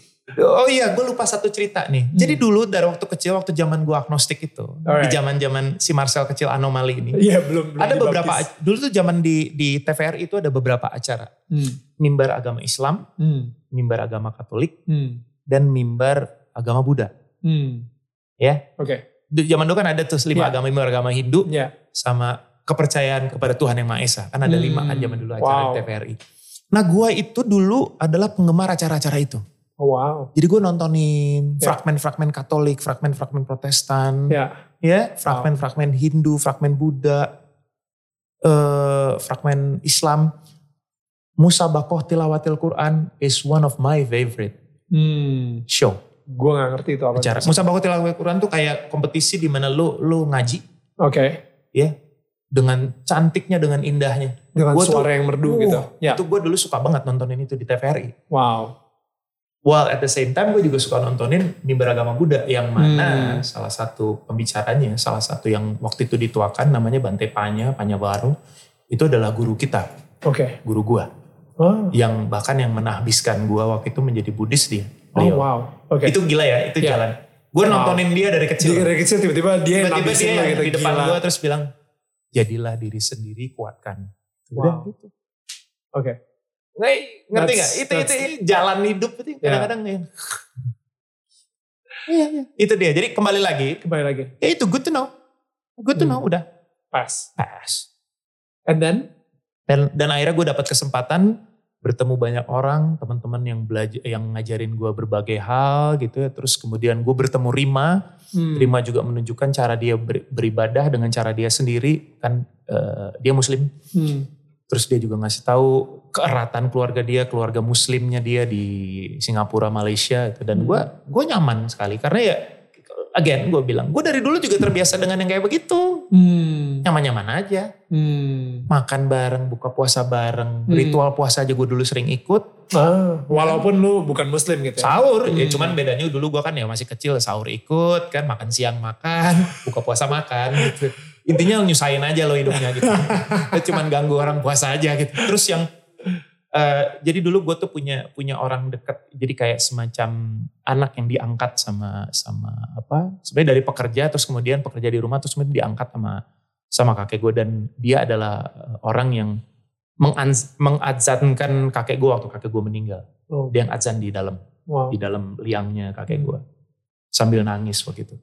Wah itu gila sih gue ingat banget. Nah orang ini adalah orang yang selalu gue duduk di sebelah dia ketika dia sholat. Jadi ketika dia Hmm. sholat gue duduk di sebelah dia gue liatin apa yang diomongin, gue cek, gue dengerin. Itu zaman-zaman gue agnostik itu itu yang gue Hmm. lakukan dulu. Gitu. Hmm. Terus ketika waktu itu ada tante gue dari Sumatera dateng, dia suka yang pagi-pagi apa saat teduh gitu, Hmm. gue liatin, Hmm. gue ikutin aja. Lu jadi bener-bener kayak terekspos banget sama semua agama dari keluarga lu gitu kan. Even ya HKBP pun juga, Hmm, you know, uh, ya. dan sampai uh, saat teduh dan habis itu juga um, Novena, novena, Jelas. yes, jelas. wow, rosario, Rosari, ya, ya, ya, ya. Dan pada akhirnya, Nah, eh, nenek gue yang nenek gue yang suka berdoa bareng, Hmm. apa istilahnya apa sih istilahnya pakai bahasa Belanda dulu Bridgestone kalau nggak salah. Pokoknya Hmm. Eh, jadi kayak persekutuan doa gitu. Oh. Salah satunya sama almarhum ibunya Karut sana ya. oh wow, Jadi bareng Oke. Ya. tuh dulu mereka berdoanya satu komunitas. Itu di rumah gue dan gue yang ke depan bawain kue, bawain makan, bawain minum. Hmm. Mereka lihat oma-oma itu semua pada berdoa nyanyi-nyanyi. wow. It's- It was so happy. Pada akhirnya, why Muslim? gue nyaman, gue seneng, gue apa yakin bahwa segala sesuatu tuh harus ada titiknya. Hmm. Hmm. Itu aja. Ada ada titiknya dan gue merasa gue bisa jadi malah bisa berbuat banyak ketika gue berada di sini. Ma- maksudnya berbuat banyak? Berbuat banyak hal, eh, menjadikan diri gue sesuatu yang berguna buat banyak orang. Hmm. Jadi bukan hanya melihat ini sebagai eh, apa pencapaian spiritual hanya internal gue, tapi gue juga pencapaian spiritual eksternal. Hmm. Menciptakan struktur buat anak gue, menciptakan struktur buat eh, istri gue sebagai kepala keluarga, sebagai imam. Hmm. Wow. Itu aja sih. Jadi at the end of the day, karakter Allah di mata lo itu seperti apa? Dia itu menjadi sesuatu yang maha kokoh sekaligus at the same time sesuatu yang paling paling lovable Oke. menurut gue. Hmm. Gitu loh. Jadi benar-benar dua unsur yang menguatkan Hmm. Kokoh sama cinta dia gitu ya. cantik dan agung pada saat yang bersamaan. dia sesuatu ya. yang jalal dan jamal yang di saat yang sama. Wow. Wow. Itu yin yang juga itu jamal dan jalal, men. It's beautiful. Ya. Ya. So, sekarang nih ketika lu udah ada di titik ini ya. Mm-mm. What's house life? Maksudnya dibandingin sama dulu di masa pencarian gitu. Wah apa ya dan terus terang masa terutama di masa pandemi ini ya masa pandemi ini juga banyak sekali men-trigger gue untuk kemudian eh, melihat banyak hal tuh lo harus benar-benar dalam kondisi yang lo harus berserah ikhlas gitu. dan dan apa ya menurut gue ajaran yang sekarang gue jalanin ini gitu ya apa pun itu adalah yang membuat gue bisa jadi lebih ikhlas melihat segala hal. Karena itu yang paling susah. Apa artinya itu? Ikl- melihat semuanya jadi ikhlas gitu. Ya, apa keikhlasan itu menjadi menjadi yang selalu gue cari. Karena susah loh. Di Buddhism sendiri kan mengajarkan yang namanya eh, ketidakmelekatan detachment. Ya, detachment. itu kan keikhlasan sebetulnya. Ya. kita berbicara keikhlasan. Ya. lo memberi ya kan? Eh, apa? Lo melayani to serve like what Jesus did Ya, to serve Ya. itu kan perlu keikhlasan surrenderness, Surrender, berserah. ya, Ya. ya. Ya. Lo kalau nggak ada ikhlas, lo nggak bisa melayani orang, lo Ya. nggak bisa bantu orang kalau lo nggak ikhlas. Gimana sih? Hmm. Gitu loh. Itu Hmm. yang gue dapat dari dari sekumpulan puzzle-puzzle yang gue gue dapat dari dari selama gue hidup Ya. itu. So, ketika lu bilang tadi lu sekarang lebih ikhlas. Gue lebih ya dan gue merasa lebih complete aja sih, Hmm. complete as a as as a person gitu. Let's go back to the question di mana tadi gue sempat nanya sama lu Hmm. eh, di masa pandemi ini gimana? Di masa Oke. pandemi ini ya gue belajar banyak mengenai makanya gue buat gue tidak pernah merasa harus terlalu overwhelmed dengan kondisi menyedihkannya walaupun sebetulnya kita semua terkondisi untuk untuk sedih untuk berat di awal-awal ya semuanya Sempat stres gak sih? Sempat pasti lah deh sempat takut gak? pas takut lah pasti gila gue tuh eh apa ya istilahnya Eh, gue tuh yang membawa makan di atas meja gitu loh Ya. ya kan the breadwinner Ya. ya kan kebayang gak lu tiba-tiba suddenly semuanya stop semuanya berubah konstelasinya dan Ya. panik Ya. panik tapi ya itu tadi akhirnya karena gue yakin ada yang ada yang ngeliatin gue dan dia selalu ngasih ngasih tangannya gitu ya lo kekuatannya lewat orang-orang ini gitu lewat Rima lewat Seth lewat Kinan lewat anak-anak anak Edgar anak gue dan Ya. sahabat-sahabat gue gitu teman-teman gue yang ternyata akhirnya malah gue bisa lihat ternyata teman gue nggak banyak sebetulnya lingkarannya itu, itu doang Iya. Ya kan? Iya. dan gue jadi lebih jadi lebih malah bisa lebih fokus dengan diri gue dengan kekurangan gue apa yang harus gue perbaiki apa yang harus gue kuatin lagi Hmm. struktur apa yang harus gue bangun gitu ya yang Ya. memang mungkin belum terbangun apa yang harus gue bangun gue jadi lebih bisa merasakan bahwa hmm, surrender berkorban sacrifice nggak nggak berat Hmm. oke kok gue bisa Sacrifice seperti apa yang harus lo lakuin? Kayak di zaman-zaman pandemi. keluar dari comfort zone So, what did you do? Kayak banyak sih sekarang Dan- yang gue kenal ya. Gua itu ini ini untuk musik aja dulu ya. Ya. Gua tuh nggak bisa instrumen lain selain drum dan nyanyi. Oke. Instrumennya vocal chord ya, Ya. sama drum. Tiba-tiba karena pandemi ini, karena gua harus tetap kreatif, gua harus mengeluarkan single, mengeluarkan musik atau apa pun apa pun apa pun, dan gua harus mentranslate apa yang ada di kepala gua. Gue tidak bisa bergantung sama orang. Hmm. Akhirnya itu mem- memotivasi gue untuk sacrifice. Gue belajar bass, gue belajar Hmm. gitar, gue belajar piano. Bukan untuk jadi harus jadi flay gitu main bassnya. Nggak atau, tiba-tiba jadi uh, Dulu lu ke Red Hot gitu. Vai. Iya kan atau tiba-tiba jadi pianis jadi kayak Chico Real marhum gitu nggak usah, nggak usah bukan. Tapi minimal ketika lo mau bikin sesuatu, lo tidak menyusahkan orang lain Hmm. kayak misalnya gue ada ide nih, ada ada nada di kepala gue. Gue kan nggak usah harus nelfon pemain keyboard gue jam berapa belas malam gitu yang, eh lu bisa translate nggak gitu? Nah, gue sekarang bisa bikin sendiri. Akhirnya gue, oh oh di sini, oh di sini. Hmm. Akhirnya gue cuma rekam sedikit baru gue kasih dia. Hmm. Jadi dia udah, oh maksudnya begini, udah tahu kebayang. Tapi Ya. gue udah bisa mentranslate itu sekarang sendiri, nggak tanpa harus menyusahkan orang lain. Right, right. Itu. Dan itu tidak lepas dari itu motivasi orang-orang tercinta gue itu istri gue sama anak gue gitu dan ini yang yang membangkitkan gue dari gue bisa bilang apa ya kemalasan untuk keluar dari dari comfort, Comfort zone. zone. Iya. What's the lowest time in your life? the lowest time. The lowest point of your life. Hmm. Ketika ketika gua apa ya berkonsentrasi pada diri gue sendiri dan gue sadar bahwa ternyata masih banyak bagasi yang harus gue turunkan. Gitu. What do you mean by bagasi? Iya, dari proses gue kecil sampai sekarang itu kan ada bagasi-bagasi banyak bagasi yang harus ternyata gue buang, tapi enggak.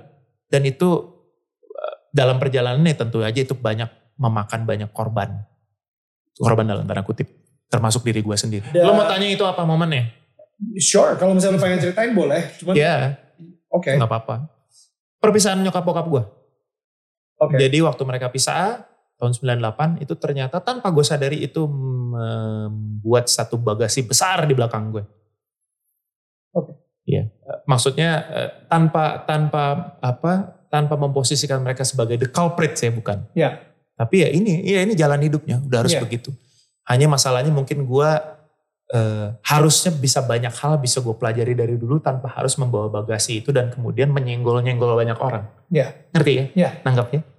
Jadi kayak istilahnya ini juga nasihat yang selalu gue cerita sama Kinan. Nanti gue akan balik lagi ke situ. Tapi ini contohnya begini. Ya. Kayak ada misalnya kayak dalam bermusik gitu. Gue selalu cerita sama Kinan bahwa gini. Nah ayah itu dulu mengalami proses yang misalnya begini. Untuk mencapai satu titik kesuksesan. Hmm. Kesuksesan apa pun ya. Maksudnya Ya. level kesuksesan itu kan- Definisinya dia lah gitu ya. Devi- eh, defin- ah.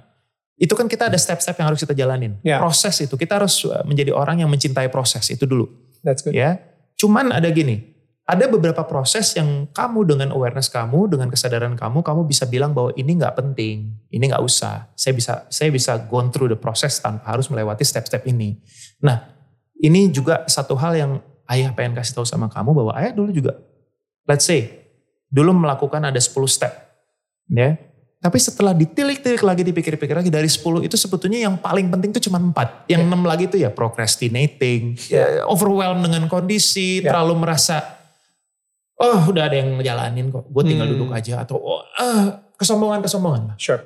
ignorance Ya. gitu, ignorance gitu. Nah itu eh, ayah sih berharap kamu jangan melakukan itu karena itu hanya akan membuat kamu nanti jauh dari apa yang mau kamu kejar. Ya. Dan itu akan membuat kamu nanti burn out, kamu capek sendiri.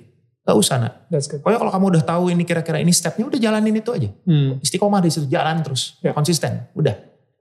Sisanya udah apa kamu belajar supaya apa nanti ketika kamu mau melakukan sesuatu, kamu udah khatam nih, kamu udah udah nggak capek lagi, Hmm. kamu udah nggak burn out nih, kamu udah tahu gimana gimananya. Ya. Jadi kamu udah udah menganggap bahwa ini ngobrolin tentang musik ya karena Hmm. Kinan itu rencana mau masuk sekolah musik. Iya. Ketika, Anak musik banget, rambutnya aja udah musik banget. ketika kamu menjalankan musik kamu, kamu tuh udah nggak perlu lagi capek harus begini, aduh gimana ya gini, karena kamu sudah melakukan itu semua prosesnya udah kamu selesaikan tanpa procrastinating dan segala macam, ya gitu loh. Ya. Ya, itu fokuskan eh, apa eh, tentukan tujuanmu, purpose karena manusia itu bisa dilihat dari bagaimana dia konsisten menjalankan menuju pada purpose in life-nya dia. Uh, Itu yang harus gue bilang. that's good. Intinya gue coba mengajarkan itu ke Kinan supaya dia nggak scattered gitu loh, nggak nggak ke mana-mana gitu. Ya. Dia fokus karena lu belajar dari ayah gitu. Gitu. Nah kembali lagi ke cerita yang tadi, bagasi-bagasi itu ternyata itu membuat gue salah satunya yang jadi gue melakukan step-step yang tadi gue bilang, procrastinating, gue nggak confident, gue takut ini, takut itu, takut ini, takut itu. Hmm. Akhirnya gue tidak akan pernah bisa harmonis dengan apa pun, dengan siapa pun Hmm. dan selalu menyalahkan di luar gue. Mungkin yang lagi nonton pun juga mungkin ada yang mempunyai pengalaman yang sama sama lo. Hmm. di mana eh, orang tuanya pisah. Ya. Padahal orang tuanya baik-baik aja, pisahnya juga secara damai Hmm. dan lain-lain. Tapi mungkin anaknya yang justru merasa bersalah, anaknya yang mungkin marah Hmm. tapi di, di, Hmm. didiemin aja. Hmm. Sehingga ya tadi seperti yang lu bilang, itu adalah bagasi yang begitu berat sekali. Yang lu pikul sendiri tanpa lu ceritain ke siapa-siapapun. Bahkan orang tua lu gak tahu kalau misalnya lu membawa bagasi tersebut gitu Yes. dan itu nge-efek ke seluruh hidup lu Ya. gitu. Now, Untuk gue ya. untuk lu, Hmm. seluruh hidup lu, Hmm. untuk lu. Ya. Nah, itu yang itu yang gue gak ngerti. Lu saat itu ketika orang tua lu pisah di tahun 98, lu ngerasa kesel sama mereka, lu gak bisa maafin mereka, atau lu ngerasa marah sama diri lu sendiri karena membuat mereka berpisah, atau what what what was it gitu? Itu yang Waduh, kalau itu jujur dan I'm, I wasn't sure ya gimana. Tapi pokoknya pada saat itu gue marah dan marah yang nggak tahu gimana karena gue merasa I was left out. left out Kayak kayak ditinggal. ditinggal. Karena sebetulnya ternyata yang gue pengen adalah ketika kalian berpisah, toh gue juga udah tahu bahwa kalian memang gak akur dari dulu. Kalian dan udah cukup lama. anyway. Ya. Ya, kalian akan berpisah anyway, tapi but please duduk sama-sama kita ngobrol. What happened? Lu saat itu udah kuliah berarti Kuliah, ya? kuliah. 98. Iya, iya. Oke. Ya mungkin pada saat itu eh, nyokap bokap gua hanya memutuskan bahwa ya sudah kita selesai baik-baik, sudah selesai, yang penting udah. Ya. Tapi dia tidak tahu bahwa ini ada Ada anaknya, ada, Ada. ada tiga anaknya saat ini. ada kerucil-kerucil nih Iya, gitu. iya, iya, iya. Kenapa nggak lo ajak ngobrol? Kasih tahu Oh. aja, itu doang. Makanya akhirnya di situ gue belajar bahwa komunikasi itu penting sekali. Wow. Komunikasi. Dan dan dan memilih untuk dan gue sempat sempat hidup di mana gue mengkonsepkan diri gue bahwa udahlah gue nggak usah ngomong. Kalau gue mau berbuat sesuatu, gue tunjukin aja apa yang gue lakukan. Ya, nanti orang akan lihat. Ya. Yakin orang akan lihat? Karena itu kan cuma ada di kepala lu konsep itu. Lo berharap orang akan lihat. Dan semakin ketika ternyata nggak sama karena orang nggak lihat apa yang lo lakuin, lo makin terpuruk. Ya.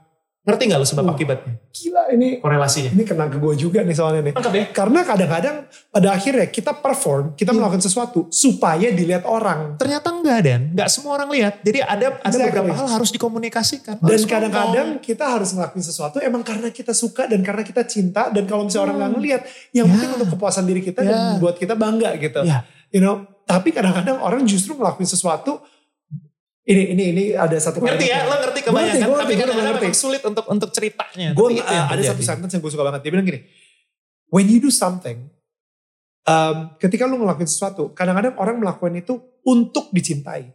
Tapi sebenarnya ngelakuin sesuatu dari cinta. Ya. You know, Ya. you you do it from love, Ya. not for love. Ya.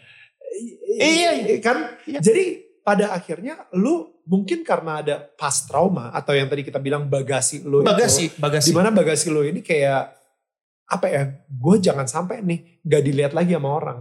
Gue jangan sampai di- terlupakan Mm-mm. sama orang tua gue aja. dan gue dan gue berusaha mati-matian untuk melakukan yang terbaik Hmm. menurut versi gue. Ya, ya, Yang mana menurut versi gue tadi juga kan belum tentu bagus menurut versi orang. betul. Dan gue tetap berharap dengan ekspektasi yang lumayan tinggi untuk berharap mereka mencontoh dari apa yang gue lakukan. Hmm. Dan akhirnya mereka bisa mengambil kesimpulan bahwa Marcel tuh begini, Marcel begitu dari apa yang gue lakukan. Tapi ternyata enggak.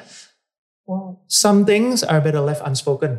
Itu kita tahu. Ya. Tapi some things are Better Are less better- spoken. to be, to, apa ya? To be communicated about. To be communicated. That's the term. Ya. Ya harus diobrolin. Have you make peace? Udah udah bernamai belum dengan Ya. orang tua lu soal ini? Yes. Karena gue tidak apa ya? Itu akan menjadi sangat sangat sangat tidak tidak tidak nggak asik ke guanya ketika gue mengharapkan mereka yang harus Datang ke lu. datang. Oh no. This is so good. Benar, benar. Saya gini. No, no. Oke, gue harus pengen. gue, harus gue karena gue yang tahu. Ini Gua- gua isu. sadar. Yes. Ya, ya. Because this is your issue, it's not their issue. Ya. Right? Betul. Jadi This jadi bukannya apa ya? Sorry. Gue ini- yang nggak bisa handle. exactly. Jangan salahkan mereka. Karena mereka pun struggling dengan dengan how Betul. they handle themselves Iya. at, at that moment. Betul. Betul. Nangkap gak lo maksudnya? Nangkep banget. Nah, ini nih ini menarik banget nih Nggak karena fair itu nggak fair. karena kita ekspektasi lu sebagai orang tua harusnya lu dong yang datang ke gue untuk menjelasin. But Stop please thinking about that. Right? Lu sebagai orang yang Ya. mungkin pernah berbuat kesalahan dan gue Ya. dizolimi, Ya. harusnya lu dong yang datang ke gue, Hmm, bukan gue datang no, ke no, lu. no, no, no. Right? Dan pada akhirnya lu jadi nggak bisa memaafkan Ya. si orang tersebut gitu dan itu malah jadi toksik dalam diri lu sendiri. Iya. Iya. Em, gue nggak kenapa gue excited banget karena gue yakin banget banyak yang lagi ngelewatin hal ini atau mungkin dulu pernah mempunyai kepahitan hati di hatinya gitu ya eh, sama orang tuanya misalnya atau orang-orang yang Terdekat. Orang- terdekat pasti orang yang eh, belum bisa mereka maafkan gitu yang kan. pasti ya siapa pun yang nonton, Hmm. everything is impermanent. Jadi jangan takut. Semuanya akan berubah. Ya ini nggak ini Nggak. cuman musim kok semusim. Oh, jangan iya. betul betul. Betul betul. Dari tadi gue ngomong musim kenapa gue gak connect ke situ ya? Ada. Iya, iya, ini Iya, cuma iya. semusim kok. Karena karena dengan dengan kita tahu itu ya bahwa segala sesuatu ini tidak ada yang kekal gitu. Ya. Dah, kita kita pasti tahu bahwa uh, we can brave the storm together. Ya, Ya, Ya, because ya, the ya. storm's gonna end. Ya, anyway, apparently. exactly. Iya kan? the storm cuma bertahan satu musim aja. Cie, Gitu gitu, ngerti kan? Bro, bikin lagu dua musim lu gak? Eh, jangan lah. Um, Iya, kebayang ya, kebayang. Makanya makanya gue selalu sekarang gini, yang ada di gua adalah gimana caranya supaya anak-anak gua separah apa pun pengalaman mereka berkomunikasilah sama gua, Ya. sama bini gua. Ya. Kita berdua selalu ada. Siapa pun yang lu rasa nyaman untuk hal tertentu. Gua nggak gua nggak minta anak gua untuk pokoknya semua hal harus cerita sama gue ya. Enggak. Ya. Kalau lu nyaman sama mami, go. Ya. Gua nggak akan ganggu. hmm, Tapi kalau lu ngerasa ini halnya nyaman sama Ayi, manggilnya Ayi kan. uh, Manggil sama Ayi, go, ayo. wow. Atau kita nyaman dua-duanya, go. Yang penting harus communicate. Jangan simpen sendiri nak. Ya. Itu menyakiti kamu. That's good. Kinan begitu, Seth juga begitu. Seth ngobrol sama Ayi, ngobrol. Balik lagi ke lu sama orang tua lu. Mm-mm. Um, dan lu bilang kalau misalnya lu udah berdamai. Dan gue gak tahu ya, mungkin yang lagi nonton pun juga pengen tahu juga caranya. right? Lu Oh. udah pasti prosesnya gak cepet. Ya, you know, gak, gak ekspres. Hmm. Tapi uh, stepnya apa yang lu iniin sampai akhirnya lu sendiri bisa yang tadi let go. Lu oh goodness, ini agak Hmm. berat. Karena, mengorbankan Mm-mm. ide atau fantasi di mana dia suatu saat akan datang ke lu dan minta maaf sama lu. Lu udah itu di dikubur aja deh. That will never happen. Jadi that means you need to make the first move. Gitu kan? Yeah. What would That's the answer. Right. Itu itu salah satunya. Itu salah satu dari step yang yang gue lakuin. Oke. berhentilah berhentilah berharap bahwa bukan berarti bahwa mereka mereka terbelakang dalam hal ini atau apa atau atau ignoran dalam arti enggak enggak kebesaran jiwa lu lah keikhlasan lu lah yang, mem- yang memotivasi lu untuk Ikhlas. Balik lagi ikhlas. ikhlas Iya. keikhlasan ini yang harus membuat lu berangkat untuk please udah dan gue dan gue sekarang cukup happy dengan dengan bilang bahwa gila ya kebayang Marcel Sihan jadi apa kalau dulu bokap nggak nggak segalak itu Hmm. kebayang Marcel Sihan nggak akan jadi kayak sekarang ini kalau dia nggak ngalamin yang namanya eh, orang tuanya pisah dan kemudian dia merasa nggak tidak terkomunikasikan dengan baik gitu kan Ya. ya itu The the bad process akhirnya ya, makes who you are. dan dia not so bad memang Hmm. memang ini memang harus ada Hmm. gitu karena gue bisa kadang-kadang gue suka terbersit kapasitas di mana apa gue terbersit bayangan gitu mengenai kapasitas gue sendiri ketika semua the whole proses ini tidak gue jalanin gue mungkin Hmm. udah end up somewhere yang Ya. worse Ya. even worse itu loh Dan pada akhirnya lu sempat komunikasiin sama bokap, nyokap Eh, during the pandemic. mungkin gue kalau berkomunikasi gue terus terang ya kalau gue kan terbentuknya karena bukan bukan terbiasa berkomunikasi yang seperti itu dan Ya, ya. ya. jadi Nggak nggak kayak Hollywood lah, Nah, yang apa kayak harus ngobrol terus Iya. karena ini kan gimana pun juga gue nggak bisa bohong ada beberapa hal yang itu sudah menjadi menjadi status struktur yang nggak bisa Sure. gua gua hancurin udah begitu jadi satu-satunya cara adalah gua mau mendengarkan tanpa membantah ketika dia ngomong gue dengar dulu itu pelan-pelan itu gue refresh dulu gue gue tenangin diri gue Hmm. dan ketika dia ngomong gitu bokap gue ngomong dan gue denger aduh untung gue dengerin Wow. ngerti nggak? Ya. Kalau gue nggak dengerin kacau nih. Ya. Ya. Gitu loh. Ada momen di mana just out of blue tiba-tiba bokap gue nelfon, eh ngapain kamu Hmm. di Bandung kan waktu itu pas momen di mana gue belum bisa ke Bandung karena gue masih takut karena bokap gue kan udah 76 umur. Hmm. Gue takut ada apa-apa gue jadi OTG atau apa gitu. Ya. Gue takut. Terus dia ngomong gini, sehat kan? Sehat pak. Ya udah. Pokoknya apa pun itu bersyukur ya. Wow. Gitu, syukur aja. Masih banyak orang di luar sana yang jauh lebih berat dari kita. Itu gue, gue di teras depan gue itu pertama kali gue bokap gue ngomong gue, gue mata gue berkaca-kaca ngembeng gitu. Iya pak, kan saya juga belajar ini dari papa dulu. Iya, bersyukurlah. Sebisa mungkin kalau kamu bisa bantu, bantu. Jangan berat, ya. Seberat apa pun itu pasti. Aduh udah deh gitu, rezeki itu gak ke mana lah. Hmm. Udah lah. Diem. Tapi memang sebelum proses ini memang ada satu proses juga di mana bokap gue tuh kan ya terbiasa sendiri juga kayak gue gitu. Hmm. Kemarin ini dia mengalami satu pukulan berat di mana adik cowok dia yang terakhir meninggal. Hmm. Dan itu dia benar-benar ngerasa sendiri karena akhirnya dia tinggal jadi satu laki-laki sendiri Hmm. dengan dua kakak perempuan. Yang lainnya semua yang laki udah lewat pergi semua. Wow. Udah pergi. Bokap gue dong akhirnya yang laki sendiri kan. Kan kalau di Batak kan laki kan. Iya. Dia jadi sendiri. Dan eh, itu adalah momen di mana gue akhirnya mengajak eh, bini gue sama anak gue. Waktu itu kita jalan darat semua karena bapak udah gue almarhum waktu itu meninggalnya posisinya di Palembang. Wow. So kita jalan darat ke Palembang berempat sama anak gue yang gede. Kita berempat ke sana dan kasih surprise sama bokap. Itu Hmm. bokap sih yang kelihatan wah Hmm. gue nggak sendiri ternyata. Wow. Dari situlah ini ini satu upaya gue untuk melakukan rekonsiliasi itu Ya. ya kan tanpa harus ngomong gitu. Gue cuma datang pak, kuat ya pak ya. Iya. iya. Pergi ya sih udah ya. Iya. Udah lah yang penting yang penting kita masih sehat kan. Ayo rock and roll gitu. Wow. Pokoknya gitu. Tapi gue bisa lihat dari mata dia bahwa dia dia happy sekali ada dua Dia cucunya appreciate juga. Ya ada dua Ya. cucunya, cucu yang selama ini gue nggak nyangka nih mereka ini bakal datang gitu. Jauh-jauh dari Jakarta, jalan darat ke Palembang gitu. Wow. Ya. Gue jalan darat ke Palembang gue datengin bokap gue. Di masa pandemi gitu kan. Ya. Nah setelah itulah malu mulai pelan-pelan, pelan-pelan. Dan terakhir ya momen itu. Hmm. Gue diem di teras di depan rumah gue. Gitu. Ya udahlah. Ya pokoknya sebisa mungkin dalam keadaan sesulit apa pun kalau kamu bisa bantu-bantu. Bukan masalah besaran kok itu. Iya pak saya belajar itu dari papa dari dulu. Iya iya. iya. Gak usah takut lah, gak ke mana-mana itu rezekimu itu. Jaga semua ya, jaga di rumah ya.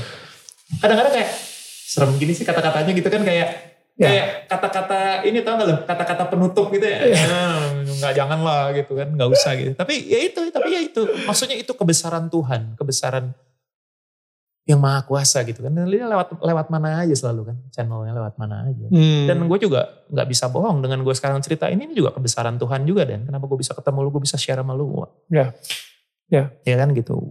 Apa pun ini gue cuman pengen kembali lagi ya Marcel Siahaan itu cuman opsi aja. Dia salah satu entitas anomali. entitas anomali di antara sejuta beribu-ribu bermiliar-miliar entitas lain yang juga yang juga seeking for I don't know in the pursuit of happiness Hmm. in the pursuit of awareness in the pursuit of what pursuit of love karena buat gue happiness itu kayak bukan sesuatu yang gue kejar di akhir tapi ini proses-proses ini this is happiness man we can talk Exactly. we can share this is happiness Exactly. I can see your smile I have my most mind blowing moment ini di sini gitu sama lu and it makes me happy.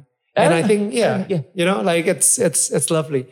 Um, lu tadi sempat bilang kalau misalnya orang tua lu uh, ketika pisah Mm-mm.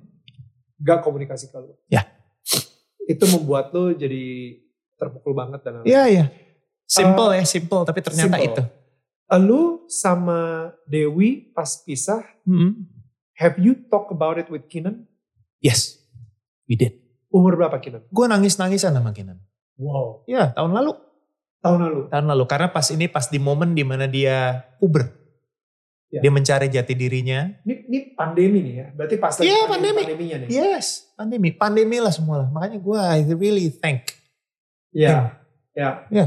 Bahwa lu kayak di restart lagi Iya semua. restart semua. How was, how was the conversation? Karena buahnya apa ya? Kita sebagai seorang ayah, kita pengen terlihat sempurna. Ah, Kita pengen terlihat paling kuat. iya. Gila, untuk nangis di depan anak no. kita. Gue tipe yang gue tipe yang akan nangis kalau gue harus nangis. Gue nggak peduli dengan orang bilang apa. Ini pertama kalinya atau? Gue udah cukup kenyang soalnya dan dibilang dulu kan waktu ih tatonya gede tapi Hmm. nyanyinya lagu kayak gitu. dulu gue pernah pakai kawat gigi kan, ih pakai kawat gigi tapi so maco. Gigi gue berantakan. Itulah kenapa gue pakai kawat gigi. Not without purpose. Iya, of course. of Lo pikir gue pengen lucu-lucuan pakai kawat gigi? Ah, iya. Sampai pernah ada yang begini Dan. Ini ini how miserable uh, for being me Oke, at some moments. ya. oke, oke. Gue waktu pelatihan jadi advokat, ada satu yang nanya begini, di lift nih, gue mau, mau balik di lift nanya gini, bang, sorry bang, abang masih nyanyi? Wah, puji Tuhan masih. Hmm. Iya. Oh, Terus eh, abang nih ngambil ujian apa pelatihan apa Advokat. advokat ini ada tujuan apa bang? Itu aja gue udah bingung. Masih kurang rupanya sensasi abang. Gila. Sensasi. Sensasi. Ya, ya. Terus gue bilang gini, eh hidup gue ya itu dari zaman gue SMP udah sensasional. gue ngeband dari SD, dari SMP, band gue legend. Gitu. Ya, jadi kalau gue mencari sensasi dengan ikut pelatihan ini yang terkenal ujiannya itu sangat nol KKN, nggak bisa nyontek dan ketat pengawasannya. Menurut gue itu such a wasting of time. Hmm. Cari sensasi dari kayak begini. Cari sensasi banyak gue bisa melakukan yang lain. Hmm. Ujian ujian pradi itu bukan sensasi yang gue cari. Iya. Terlalu sulit. Balik lagi ke uh, conversation lo. Ah, conversation gue sama Kinan. Oke. Eh, Rima waktu itu yang nanya. Kinan, eh, kamu pernah nggak kepikir eh, bahwa mungkin di benak kamu bahwa papa mama nggak bisa? Iya. Kinan ngomong gitu. As in lu sama Dewi atau lu Iya, sama Rima? Gue sama Dewi. Oke. Eh, pernah nggak berpikir kalau Hmm. mungkin eh, apa papa dan mama harusnya nggak pisah? Kenapa Rima nanya gitu? Karena dia juga pernah menanyakan itu ke anaknya, my my second son, anak dia dari pernikahan sebelumnya, Edgar ya? Edgar. Hmm. Dan Kinan bilang apa? Iya. Tapi kamu tahu kan eh, apa? Kami semua mencintai kamu. Hmm. Lalu dia nangis. Itu gue peluk. I'm sorry anak. I'm sorry. Wow. Tapi kamu tahu kan ayah sama mami cinta sama kamu. Hmm. Itu yang gue dapat. Dan dia, ya I'm happy. I'm very happy. Thank you. Wow. Thank you to both of you. Gitu. Nangis-nangisan kita. Nangis-nangisan. Udahnya udah. Oke. Pokoknya mulai saat ini nak. Ya apa pun yang terjadi sama kamu. Ayah sama mami harus tahu. Ngobrol. Kita ngobrol. Komunikasikan. Jangan simpan sendiri. Oke? Wow. Udah. Wow. Itu yang gila. Thanks for sharing that. Karena gue berharap banget ya. Maksudnya kadang-kadang kita sebagai orang tua pun juga segen ya ngomong sama anak gitu. Ya. You know, It- itu juga itu juga satu beban yang yang ternyata gue juga rasain. Bokap gue tuh bukan bukan tipe yang gitu. sama. Bokap gue juga enggak. Enggak muji. Iya. Tapi gue tuh bisa denger dari orang siapa yang Iya. gila bapakmu tuh bangga kalinya sama kau. Iya. Gue yang bertanya, why kenapa gue mesti denger dari orang lain sih? Wah ngomong aja pak kalau lo bangga kenapa sih? Kenapa Hah? ya? Gue juga gue juga bingung loh. Tapi itu tadi keikhlasan. Akhirnya gue belajar ikhlas bahwa ternyata dia memang tidak dididik seperti itu sama bapaknya juga. Ya. Udah ini ini sesuatu yang memang Generational. generational dan sudah begitu. Ya. Ya kenapa ya sekali lagi kenapa gue bisa lahir di Indonesia dengan keberagaman, kenapa gue bisa lahir dengan bapak yang seperti itu, dengan latar belakang seperti itu, ini semuanya with purpose. Ya. Dan gue happy. Karena apa? Ya iya itu gue, that's me. Ya. Jadi buat buat siapa pun yang yang melihat ini sebagai sesuatu yang positif, jangan pernah takut karena ada banyak sekali hal positif yang bisa lo petik dari dari perjalanan hidup. Ya. Dan gue sih sangat berharap seperti tadi dari 10 step yang gue jalanin, lu semua jangan sampai ngikutin semua 10-10-nya. Ya. Karena mungkin itu cuma dua atau tiga. Ya. Gue berharap lo bisa cepet dapetin itu dalam dua atau tiga Ya. step. Ya. Moga-moga kita juga bisa jadi bisa berikutnya bisa jadi eh, apa generasi yang gitu aja lebih bisa ekspresif. Ekspresifnya tentunya dengan dengan dengan konteks dan kondisi yang tepat ya dan ya. Sure. Karena gue juga tipe orang yang nggak terlalu suka dengan kebebasan berpendapat yang bablas, Iya. kebebasan ekspresi yang bablas. Karena gue juga untuk hal ini gue cukup old school. Gue gue di di somehow diperintahkan untuk menghormati orang yang lebih tua, untuk respect pada pada orang-orang yang elders gitu Ya. dan juga pada orang yang yang orang-orang yang orang tua tuh bukan hanya orang tua gue, tapi orang yang lebih tua, orang yang yang tentunya pasti apa eh, lebih pengalaman, lebih lebih punya banyak waktu, eh, Ya. apa banyak Banyak wisdom. banyak wisdom, Ya. banyak makan makan garam, garam, istilahnya ya. gitu kan. Let's let's switch gear. Let's talk about Rima. Hmm. Kayak it seems like she is your strong support system. Dari tadi Wah, you mention her name a Wah. lot gitu dan kayaknya uh, lu juga bilang kalau misalnya lu bersyukur dia bisa handle lu selama 12-13 tahun terakhir bahkan menyelamatkan nyawa gue dan menyelamatkan nyawa lo. tahun 2012 tuh gue nyaris lumpuh. What What? Yeah, I did some uh, not mistake. I did some, you know. Uh, ya intinya adalah ini kembali lagi ke olahraga mungkin buat teman-teman yang suka olahraga gitu ya, apalagi olahraga-olahraga yang keras, olahraga bela diri gitu. Terutama dengan dengan uh, banyak hal yang terjadi di anatomi kita yang kadang kita nggak tahu. Gue tuh ada skoliosis kan, Hmm. mild scoliosis. Jadi kalau perspektifnya adalah kalau lu udah tahu begitu seharusnya lu bisa eh, melihat dulu metode apa yang cocok buat lu supaya itu kemudian tidak menjadi burden, tidak menjadi backfire ke lu. Oke.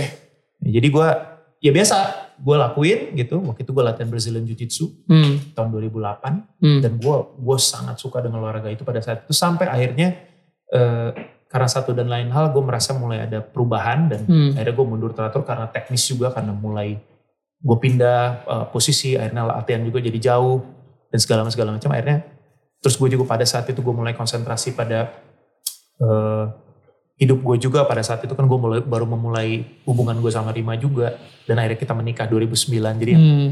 oke gue mundur dulu gitu. Oke. Eh, ternyata itu menjadi satu luka yang yang yang ada di badan gue jadi ternyata Ban- belum sembuh ya? bantalan di leher gue Hmm. itu keluar dan ngerti kan cervical 45 itu keluar dari, Ah. dari dari railnya Ya. keluar dan dia neken si syaraf gue Aduh. dan itu years kan dari 2008 ya Iya. sekitar 2008 Tap- eh, apa intinya intinya begini gue cerita begini bukan menyalahkan bela diri tidak ada yang salah dengan bela diri tapi yang salah adalah Marcel Siana harusnya tahu badan dia perlunya apa dan dia harus hati-hati ada skoliosis juga. Iya itu Iya. itu. Jadi uh, jangan pernah menyalahkan pistolnya gitu. Jangan don't never blame the gun Hmm. gitu ya. Jangan pernah karena olahraga apa pun itu bisa lo lakuin dengan aman kalau lo tahu apa yang lo lo perlu dan lo tahu purpose-nya apa gitu. Iya. Iya. Ini pada saat itu mungkin gue belum sampai ke titik itu Iya. dan gue melakukan itu just excited aja Iya. gitu lakuin. Udah kan? Itu ada satu momen di 2012 pada saat itu itu adalah puasa gue pertama bulan Hmm. puasa gue pertama 2012. Gue ambe, I was so excited Hmm. berpuasa dan segala macem. Terus pada saat itu gue juga lagi lagi latihan drum kan gue kan eh, main drum terus udah gitu gue lagi tertarik dengan konsep ambidextrous ambidextrous Hmm. tuh lo Dua-duanya latihan tangan. kiri kanan Iya. Nah, jadi gue mau ngidupin tangan kiri Hmm. di situ gue mulai ngerasa aneh ada something wrong with my hand jadi kayak udah mulai kayak pulse syaraf ke sini tuh kayak udah mulai kayak ada ada ada pelambatan Hmm. Hmm, oke biasa. Kaki terutama berasa. Hmm, aneh. Terus mulai yang badan gue tuh mudah dingin, mudah mudah kayak apa ya kayak kayak, Kaku kayak aja. letargik gitu, kayak Ya. lemes-lemes gitu. Terus mulai aneh. Puncak-puncaknya mulai gue merasa semutan di tangan gue. Hmm. Gue biarin. Hmm. Oh mungkin kecapean. atau Hmm. Sampai naik dikit levelnya adalah ketika gue mandi kena air shower, Hmm. badan gue perih. What? Sebelah. Oke. Oke. Ya kan? Udah. Terus udah gitu makin naik, makin naik, makin naik. Gue mulai merasa susah jalan. Gila. Terus begitu gue jongkok, eh, kuda-kuda nih, Ya. set, ngeng hilang. Tahu kan kayak ngelos gitu. Ya. Ya. Lemes aja gitu. Hah. What's wrong with this? Ya. Udah kan? Terus eh gue mulai udah gak bisa nahan pipis. Hmm. Jadi lu kayak apa pun, ngompol apa pun, mendadak. apa pun eh, proses-proses ekskresi itu, Ya, ya. gue udah mulai nggak bisa kontrol. Wah, tapi gue masih bisa tahan sampai puncaknya terakhir gue benar-benar udah pakai pakai stok, pakai tongkat, nggak bisa jalan dan gue jalan pelan-pelan, pelan-pelan. Dan itu panggung gue terakhir, gue waktu itu manggung sama Twilight Orchestra waktu itu sama Sadi MS, sama Dira waktu itu gue manggung, inget banget, Hmm. dingin banget studionya. Hmm. Kan kayak gitu kan paling nggak boleh kena dingin. Makin lo kena Hmm. dingin, wah lo makin makin berasa kayak sayur gitu. Ya, ya. Gue jalan kena dingin. Itu pokoknya eh, performer pada saat itu yang paling telat masuk ke studio ke panggung itu gue. Ya. Lama karena gue jalan pelan-pelan. Wow. Karena gue udah mulai nggak bisa ngerasain kaki gue. Gue udah mulai nggak bisa ngerasain diafragma gue. Jadi gue nggak bisa nyanyi. Udah mulai Kan gak ada rasanya di sini. Lu gak bisa Iya. belting, lu gak bisa, Iya. oh, gak Iya, bisa. lu gak bisa kontrol juga. Gak bisa kontrol Iya. apa-apa. Iya. Udah dari situ. Nah pulang dari situ sempat ke Bandung segala. Bokap gue udah nanya kamu kenapa sampai kayak gitu sih? Bokap gue kan kalau ngomong straight forward aja. Kenapa tuh? Udah kayak orang udah kayak orang tua gitu. Iya, iya. gue turun tangga udah pelan-pelan pegangan. Naik mobil gue udah gini. Itu hari Senin. Iya hari Senin. Terus gue pulang ke Jakarta. Sampai di Jakarta ternyata gue akhirnya bilang sama Rima. Sayang aku kayaknya udah aneh nih. Kayak udah gak bisa apa-apa, gak bisa gerak. Akhirnya ke rumah sakit. Bini gue udah ngecek, wah gimana gimana. Terus gue cerita, apa, terus bini gue yang langsung kasak kusukan cerita bilang sama manajemen gue segala macam segala macam. Marcel kayaknya mulai half paralyzed deh nih kayaknya. Hmm. Udah. Terus mulailah ada di pas di rumah sakit udah dibilang ternyata kamu ada ada yang kejepit di cervical 45 kamu. So kamu harus dioperasi. Dioperasi. Itu gue takut setengah mati dan cuman gue udah pasrah aja gue udah gak tahu gimana. Cuman dasar again makanya tadi gue bilang Rima lah yang nyelamatin nyawa gue. Dia merasa feeling dia nggak gitu. Dia nggak harus di sini. Dia cari second opinion. Dia cek di Singapura dan segala macam. Ya kan karena dia Nggak, orang Singapura. orang Singapura. Dia cek, dapatlah satu dokter. Dia kirimlah data basah gue jadi uh, Hmm. soft uh, ininya apa? Soft copy dari hasil MRI gue dikirim. Dari apa X-ray-nya dikirim. Terus uh, dia langsung nego-nego-nego kasih tahu bahwa oh iya udah besok harus ke ini, harus ke Mount E waktu itu. Uh, kita ketemu jam 1 untuk memastikan bahwa memang uh, ada tindakan atau tidak. Ya kalau memang ini saya akan cek dulu hasilnya. Oke, tunggu. Udah gitu dalam beberapa jam udah ada langsung balasan lagi email. Iya ini memang sepertinya harus operasi. Besok kita ketemu jam 1 di Mount E. Kita diskusi, jam 6 kita operasi. Hmm. Jam 6 sorenya langsung. Wow. Itu gue pagi subuh berangkat. Wow. Pakai pesawat dengan kursi roda ya. Iya, udah gak Cari bisa jalan lagi. cari pesawat Nah. paling pagi sampai di Jakarta. Terus siang gue ketemu dokter ditemenin sama eh, orang finance gue sama apa apa manajemen sama road manager gue. Udah tuh. Dan Rima pada saat itu nggak bisa nemenin gue karena pada saat itu dia lagi pas lagi ngurus eh, apa visa tinggal dia. Hmm. Gak Jadi, boleh keluar dari boleh keluar Indonesia dulu. Nggak Iya. boleh keluar dulu. Oke. Jadi gue sendiri banget udahlah gitu. Iya. Dan dia yang kasak kusuk, dia yang kontak terus sama dokternya gitu. Udah akhirnya diskusi-diskusi, oke kita operasi. Jadi akhirnya diputuskan gue harus dioperasi. Ini makanya gue ada bekas Iya. operasi. Jadi dibukanya dari depan. Jadi diceritainnya gini Dan. Eh, pertama kali, ya jadi tindakannya gimana dok? Dokter Benjamin namanya waktu itu. Gimana dokter? Eh, gini, gini, gini. Ya, jadi tindakannya adalah kita akan ambil dari depan. Gue diem gitu kan Si road manager gue gini, wait dok sebentar maaf maaf, Eh, maksudnya dari depan gimana? Iya dari depan, jadi kita buka dari depan. Karena nggak mungkin dari belakang, di belakang tuh syaraf semua. Oh. Jadi kita harus buka dari depan, ya kita kepinggirin semua, satu persatu, termasuk pita suara, kerongkongan segala macam, Oke. Setelah itu kita ambil, kita korek itu si apa daging, yang si apa si cushionnya itu Ya, ya. kita buang, kita bersihkan, lalu kita masukkan pin di situ, ya, ya pinnya kita masukin, lalu kita screw keempat, screw kelima. Oke. Setelah itu kita masukin lagi balik satu persatu. Road manager gue langsung gini, dok pertanyaan, itu akan berakibat pada suara nggak? Soalnya teman saya ini penyanyi. Oh, Asetnya. you're singer. Gitu kan, singer. Oh, you're singer. Eh, gini, dari dari sekian banyak kasus yang saya tangani, nggak kurang dari satu persen, tapi ada. Dalam arti gini, eh, suara itu hilang karena dislokasi, karena baru dipindahin. Right. Nanti dengan seiringnya waktu dia kan akan Balik kembali lagi, normal, nggak usah takut. Ya. Tapi tidak pernah sampai, bahkan nggak akan sampai keputus. Ya, ya, ya. Tapi eh, karena dislokasi itu kan gue panik ya. Trust me. Oke dok. Udah jam 6 gue operasi ditemenin sama nyokapnya Rima.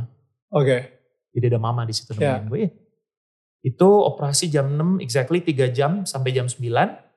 Selesai operasi gue tidur biasa kan. Nah besok paginya gue pengen kencing tuh. Hmm. Gue kan belum tahu belum belum tahu gue bisa jalan atau enggak kan. Oh, Orang baru true. operasi. Ya. Gue pengen pipis terus gue berdiri masih pakai Ya, Gitu. ya. diri. Set, gue berdiri. Terus gue jalan ke bawah. Bisa. Berasa, Wow. berasa kaki gue. Wow. Eh, berasa, berasa. Gue sampai gitu. Terus gue jalan ke kamar mandi, sampai di kamar mandi gue duduk, gue pipis, gue nangis. Gila. Gue nangis. Gue terima kasih bener. Sama Tuhan. Ya. Makasih. Gue pikirin udah akhirnya Marcel Siaan deh. Iya. Bayangin lo, gue kan petakilan ya, main drum, suka bela diri, gak Iya. bisa diem. Iya. Tiba-tiba harus harus terima kenyataan bahwa lu udah jadi sayur aja gitu. Kayaknya Gila sih. semua yang lu suka itu bisa diambil Iya, iya. cuman gara-gara Iya. dislocated Betul, gitu misalnya. Betul, betul. Dan pada saat itu gue lagi lagi Semuanya loh. Maksudnya dari segi vocal chordnya, ya kan? Dari segi eh, kakinya, kemampuan-kemampuan segala macam kan itu. lu drummer dan Yeah. ya exactly. Semuanya itu, semua yang lu suka itu bisa diambil dalam Itu gue nangis dan itu gue nangis. Dan akhirnya eh, ya akhirnya gue nangis bersyukur terus gue jalan ya biasa lah ya gue jalanin itu. Terus akhirnya gue udah bisa pulang karena dokternya bilang udah gak usah lama-lama kamu udah beres kok. Bahkan dikasih obatnya juga cuma obat obat biar nggak sakit doang. Hmm. Udah karena operasinya berjalan lancar gitu, puji syukur. Terus gue pulang, udah. Terus Rima hari Jumatnya baru datang. Hmm. Hari Sabtunya kita nonton The Hobbit deh. Oh my goodness. Duduk. The Hobbit. Kayak robot. Pakai spalek. Wow. ya itu, itu momen di mana di mana gue merasa gila nih. Ini perempuan satu sih yang bikin bisa jadi manusia sih. Itu terus ya banyak banyak momen-momen kayak eh, akhirnya di tahun 2011 akhirnya gue memutuskan untuk mengambil posisi sebagai advokat karena Hmm. gue harus mengambil pelatihan terus gue ujian dan Hmm. jadi advokat Hmm. itu juga karena Rima Lu tadi sempat bilang kalau misalnya ada bagasi yang Ah. lu pegang, Hmm. yang lu bawa, dan sehingga bagasi tersebut itu malah menyakiti orang-orang di sekitar lu. Salah satunya mungkin bisa dibilang pernikahan pertama lu sama bisa Dewi ya gitu. Betul. Um, termasuk orang-orang di sekitarnya ya keluarga dan segala macam ya Betul. yes betul. Dan abis itu bagasi tersebut masih lu bawa di pernikahan lu di Rima Ya. juga kan. Iya, masih Obviously. terbawa, masih terbawa obviously. So Iya. dan lu juga barusan bilang kalau misalnya proses akhirnya lu bisa ngelepasin bagasi tersebut adalah ketika masa-masa pandemi ini baru banget. Salah satunya ya. Baru banget. Dan the fact that Rima bisa tahan sama lu selama 12 tahun. Gila ya. Tapi gue penasaran sih. Dari lu sendiri, what did you do differently? Lu, lu dengan pernikahan pertama dan pernikahan kedua, Mhm. itu apa yang yang lu lakukan yang beda sehingga mungkin yang sekarang ini bisa lebih tahan lebih lama gitu misalnya. Aduh, gue nggak pernah melihat dari sisi itu ya Dan ya. Oke. Karena gue tidak pernah memperbandingkan itu. Oke. Salah satu contoh kenapa eh, gimana gue mentreat eh, anak-anak gue gitu ya. Terutama yang paling besar. Karena eh, apa? Yang terdampak dari perpisahan gue. Iya. Gue gue selalu melihat bahwa eh, ini adalah rejeki gitu. Rejeki dalam arti dia memiliki dua papa dan dua mama. Hmm.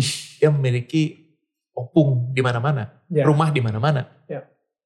Gitu. Dan dan kita kita sepakat memang eh, gua, Rima, Dewi dan Reza juga kita Hmm. sepakat bahwa ya udah kita posisikan begitu. Kita Hmm. kita berkomunikasi terus, kita memposisikan begitu sampai sekarang. Ketika gua harus di, dipertanyakan dengan apa yang lo buat differently, Hmm. Udah pasti akan jadi different, tapi itu tidak bisa dijadikan perbandingan karena Sure. situasinya, konteksnya udah berbeda. Hmm. Sure.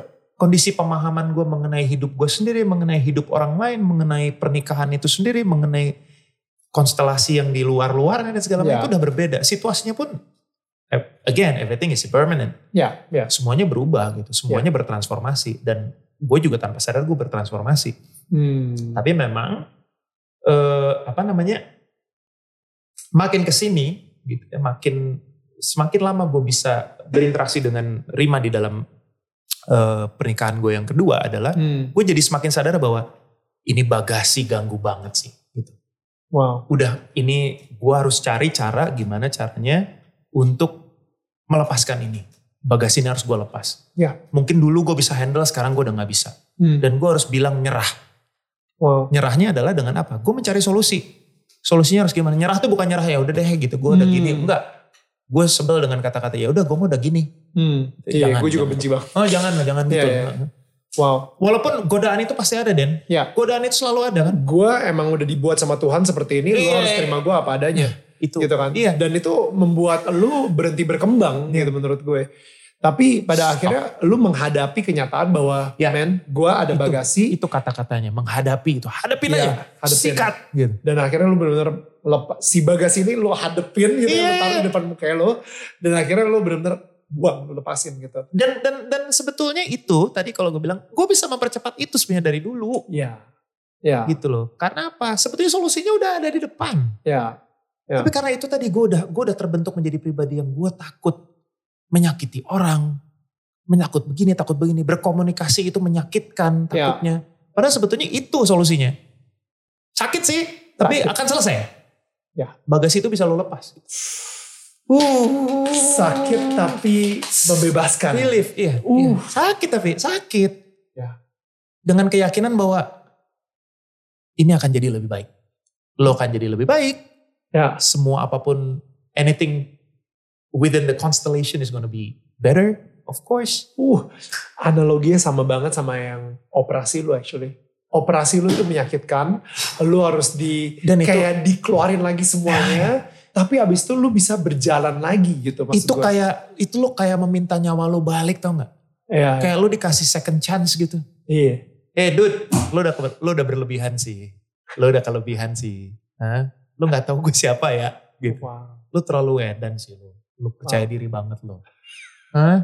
Gitu ya. Iya, iya, iya. Si bos kan ngomongin, Iya. lo percaya diri banget sih. Iya. Ini bisa gue ambil nih.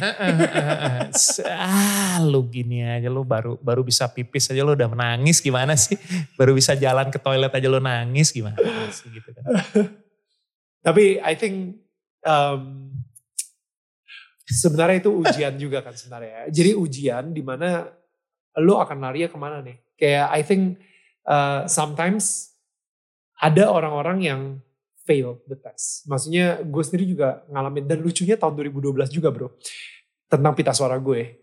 Will oi Pita suara gue Lo yang- jadi yang suara gue seperti kena nodul ya? Nodul, betul ah, udah operasi juga dan gue nggak balik suaranya ya kan. Nah jadi sebenarnya ada itu sebenarnya menurut gue ujian juga. Apakah gue akan kembali ke jalan Tuhan Hmm. ataukah gue akan depresi dan minum-minum dan narkoba you know like eh, ya itu menyerah.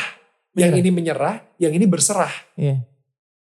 Oh, I just came up with that. That Iya. was amazing. Iya. Yang ini berserah, ya udah. Kalau misalnya emang ini adalah um, karena pada akhirnya lu tahu solusinya kok lu cuman menunda-nunda aja entah apa itu yang bikin menunda itu Cuma pokoknya lu udah tahu solusinya kok solusinya begitu Hmm. ngapain lama-lama solusinya balik lagi ke Tuhan sih. Udah. Iya iya iya balikin aja balikin semuanya ke keberserahan lu gitu Ya. kan. Ya. Bahwa lu nggak lihat ada begitu banyak karunia di pinggir kiri kanan lu gitu lu Ya, kok kayak sign-sign ini terlalu banyak gitu. Ya, ya, that was so good. Iya kan? Iya kan? Bro, thank you so much. Beneran. Pleasure, man. Eh, gila, tadi itu gue ngelihat. Marcel yang vulnerable banget. Gue baru pertama kali sih gue kayak ngelihat sosok ini dari seorang Marcel. And I, I, I'm so grateful. Gue bisa ngeliat langsung lo uh, sharing about about this dan gila sih kayak cerita hidup lu itu bener-bener ya bukan semusim sih men bermusim-musim gitu. Dan moga moga moga kita kita selalu berharap bahwa yang namanya pencerahan apa pun Ya. enlightenment atau apa pun itu jangan pernah berhenti ya dan Ya. gue selalu berharap ini sampai titik gue mati baru bisa selesai. Ya, that's jangan it. berhenti jadi jangan jangan jangan stuck jangan stagnan. This is menurut gue ini adalah still part of that journey gitu. Yes, Um, yes. Suatu saat kalau misalnya lo menemukan sebuah pencerahan lagi atau apa gitu, akan ada part 2-nya juga kok. It's And okay. this is happiness. This is Yeah, happiness. Happiness is the, the the happiness itself is the process, exactly. not Wow. the end result gitu. Ini Ah, proses that's so good. Ya, that's so good.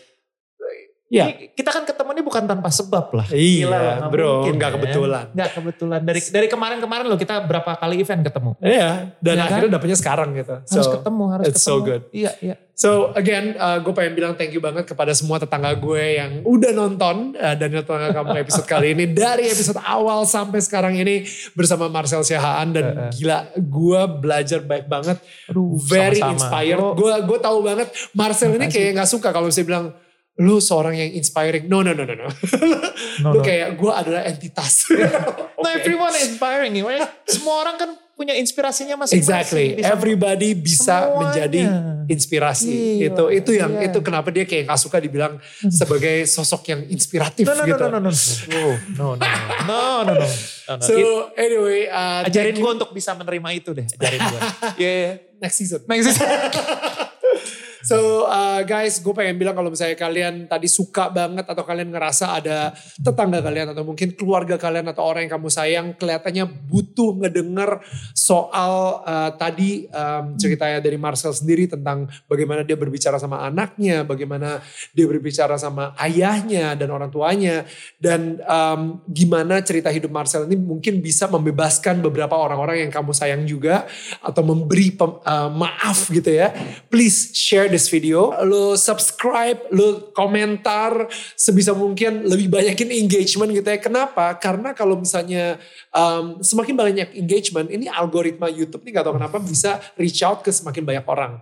Nah jadinya semakin banyak orang yang mendengarkan cerita hidupnya Marcel tadi itu menurut gue it's it can change people's life. Gue gue gue berasa banget kayak mungkin ada beberapa orang yang akan mendengar cerita hidup lo dan dia akan terbebaskan dari belenggu yang selama ini dia punya gitu soal memaafkan misalnya seperti itu atau Memaafkan diri sendiri, ketakutan diri terhadap sendiri. sesuatu yang tidak perlu sebetulnya tidak perlu takut Exactly. bisa lewatin ya. So uh, ya dan pastinya uh, jangan lupa juga untuk dengerin kita di Spotify uh, atau di semua platform digital podcast lainnya. Langsung search aja Daniel tetangga kamu. Kalian bisa ngedengerin itu sambil nge-gym, sambil ngelakuin tugas rumah dan lain-lain gitu. Dan Sambil pasti- hit, sambil hit. sambil hit Susah. juga. Oh, susah ya.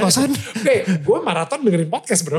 Jadi yes. Wow. Yes, that's itu what I do. advance man. Itu, itu yes, advancement. It's next level, next level.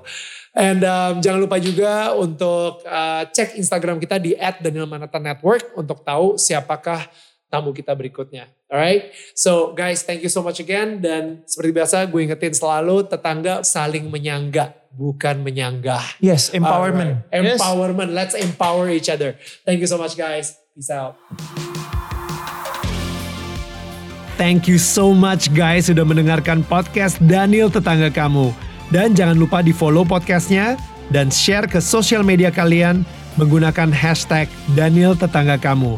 Sebisa mungkin gue akan repost keseruan kalian ketika lagi mendengarkan podcast ini.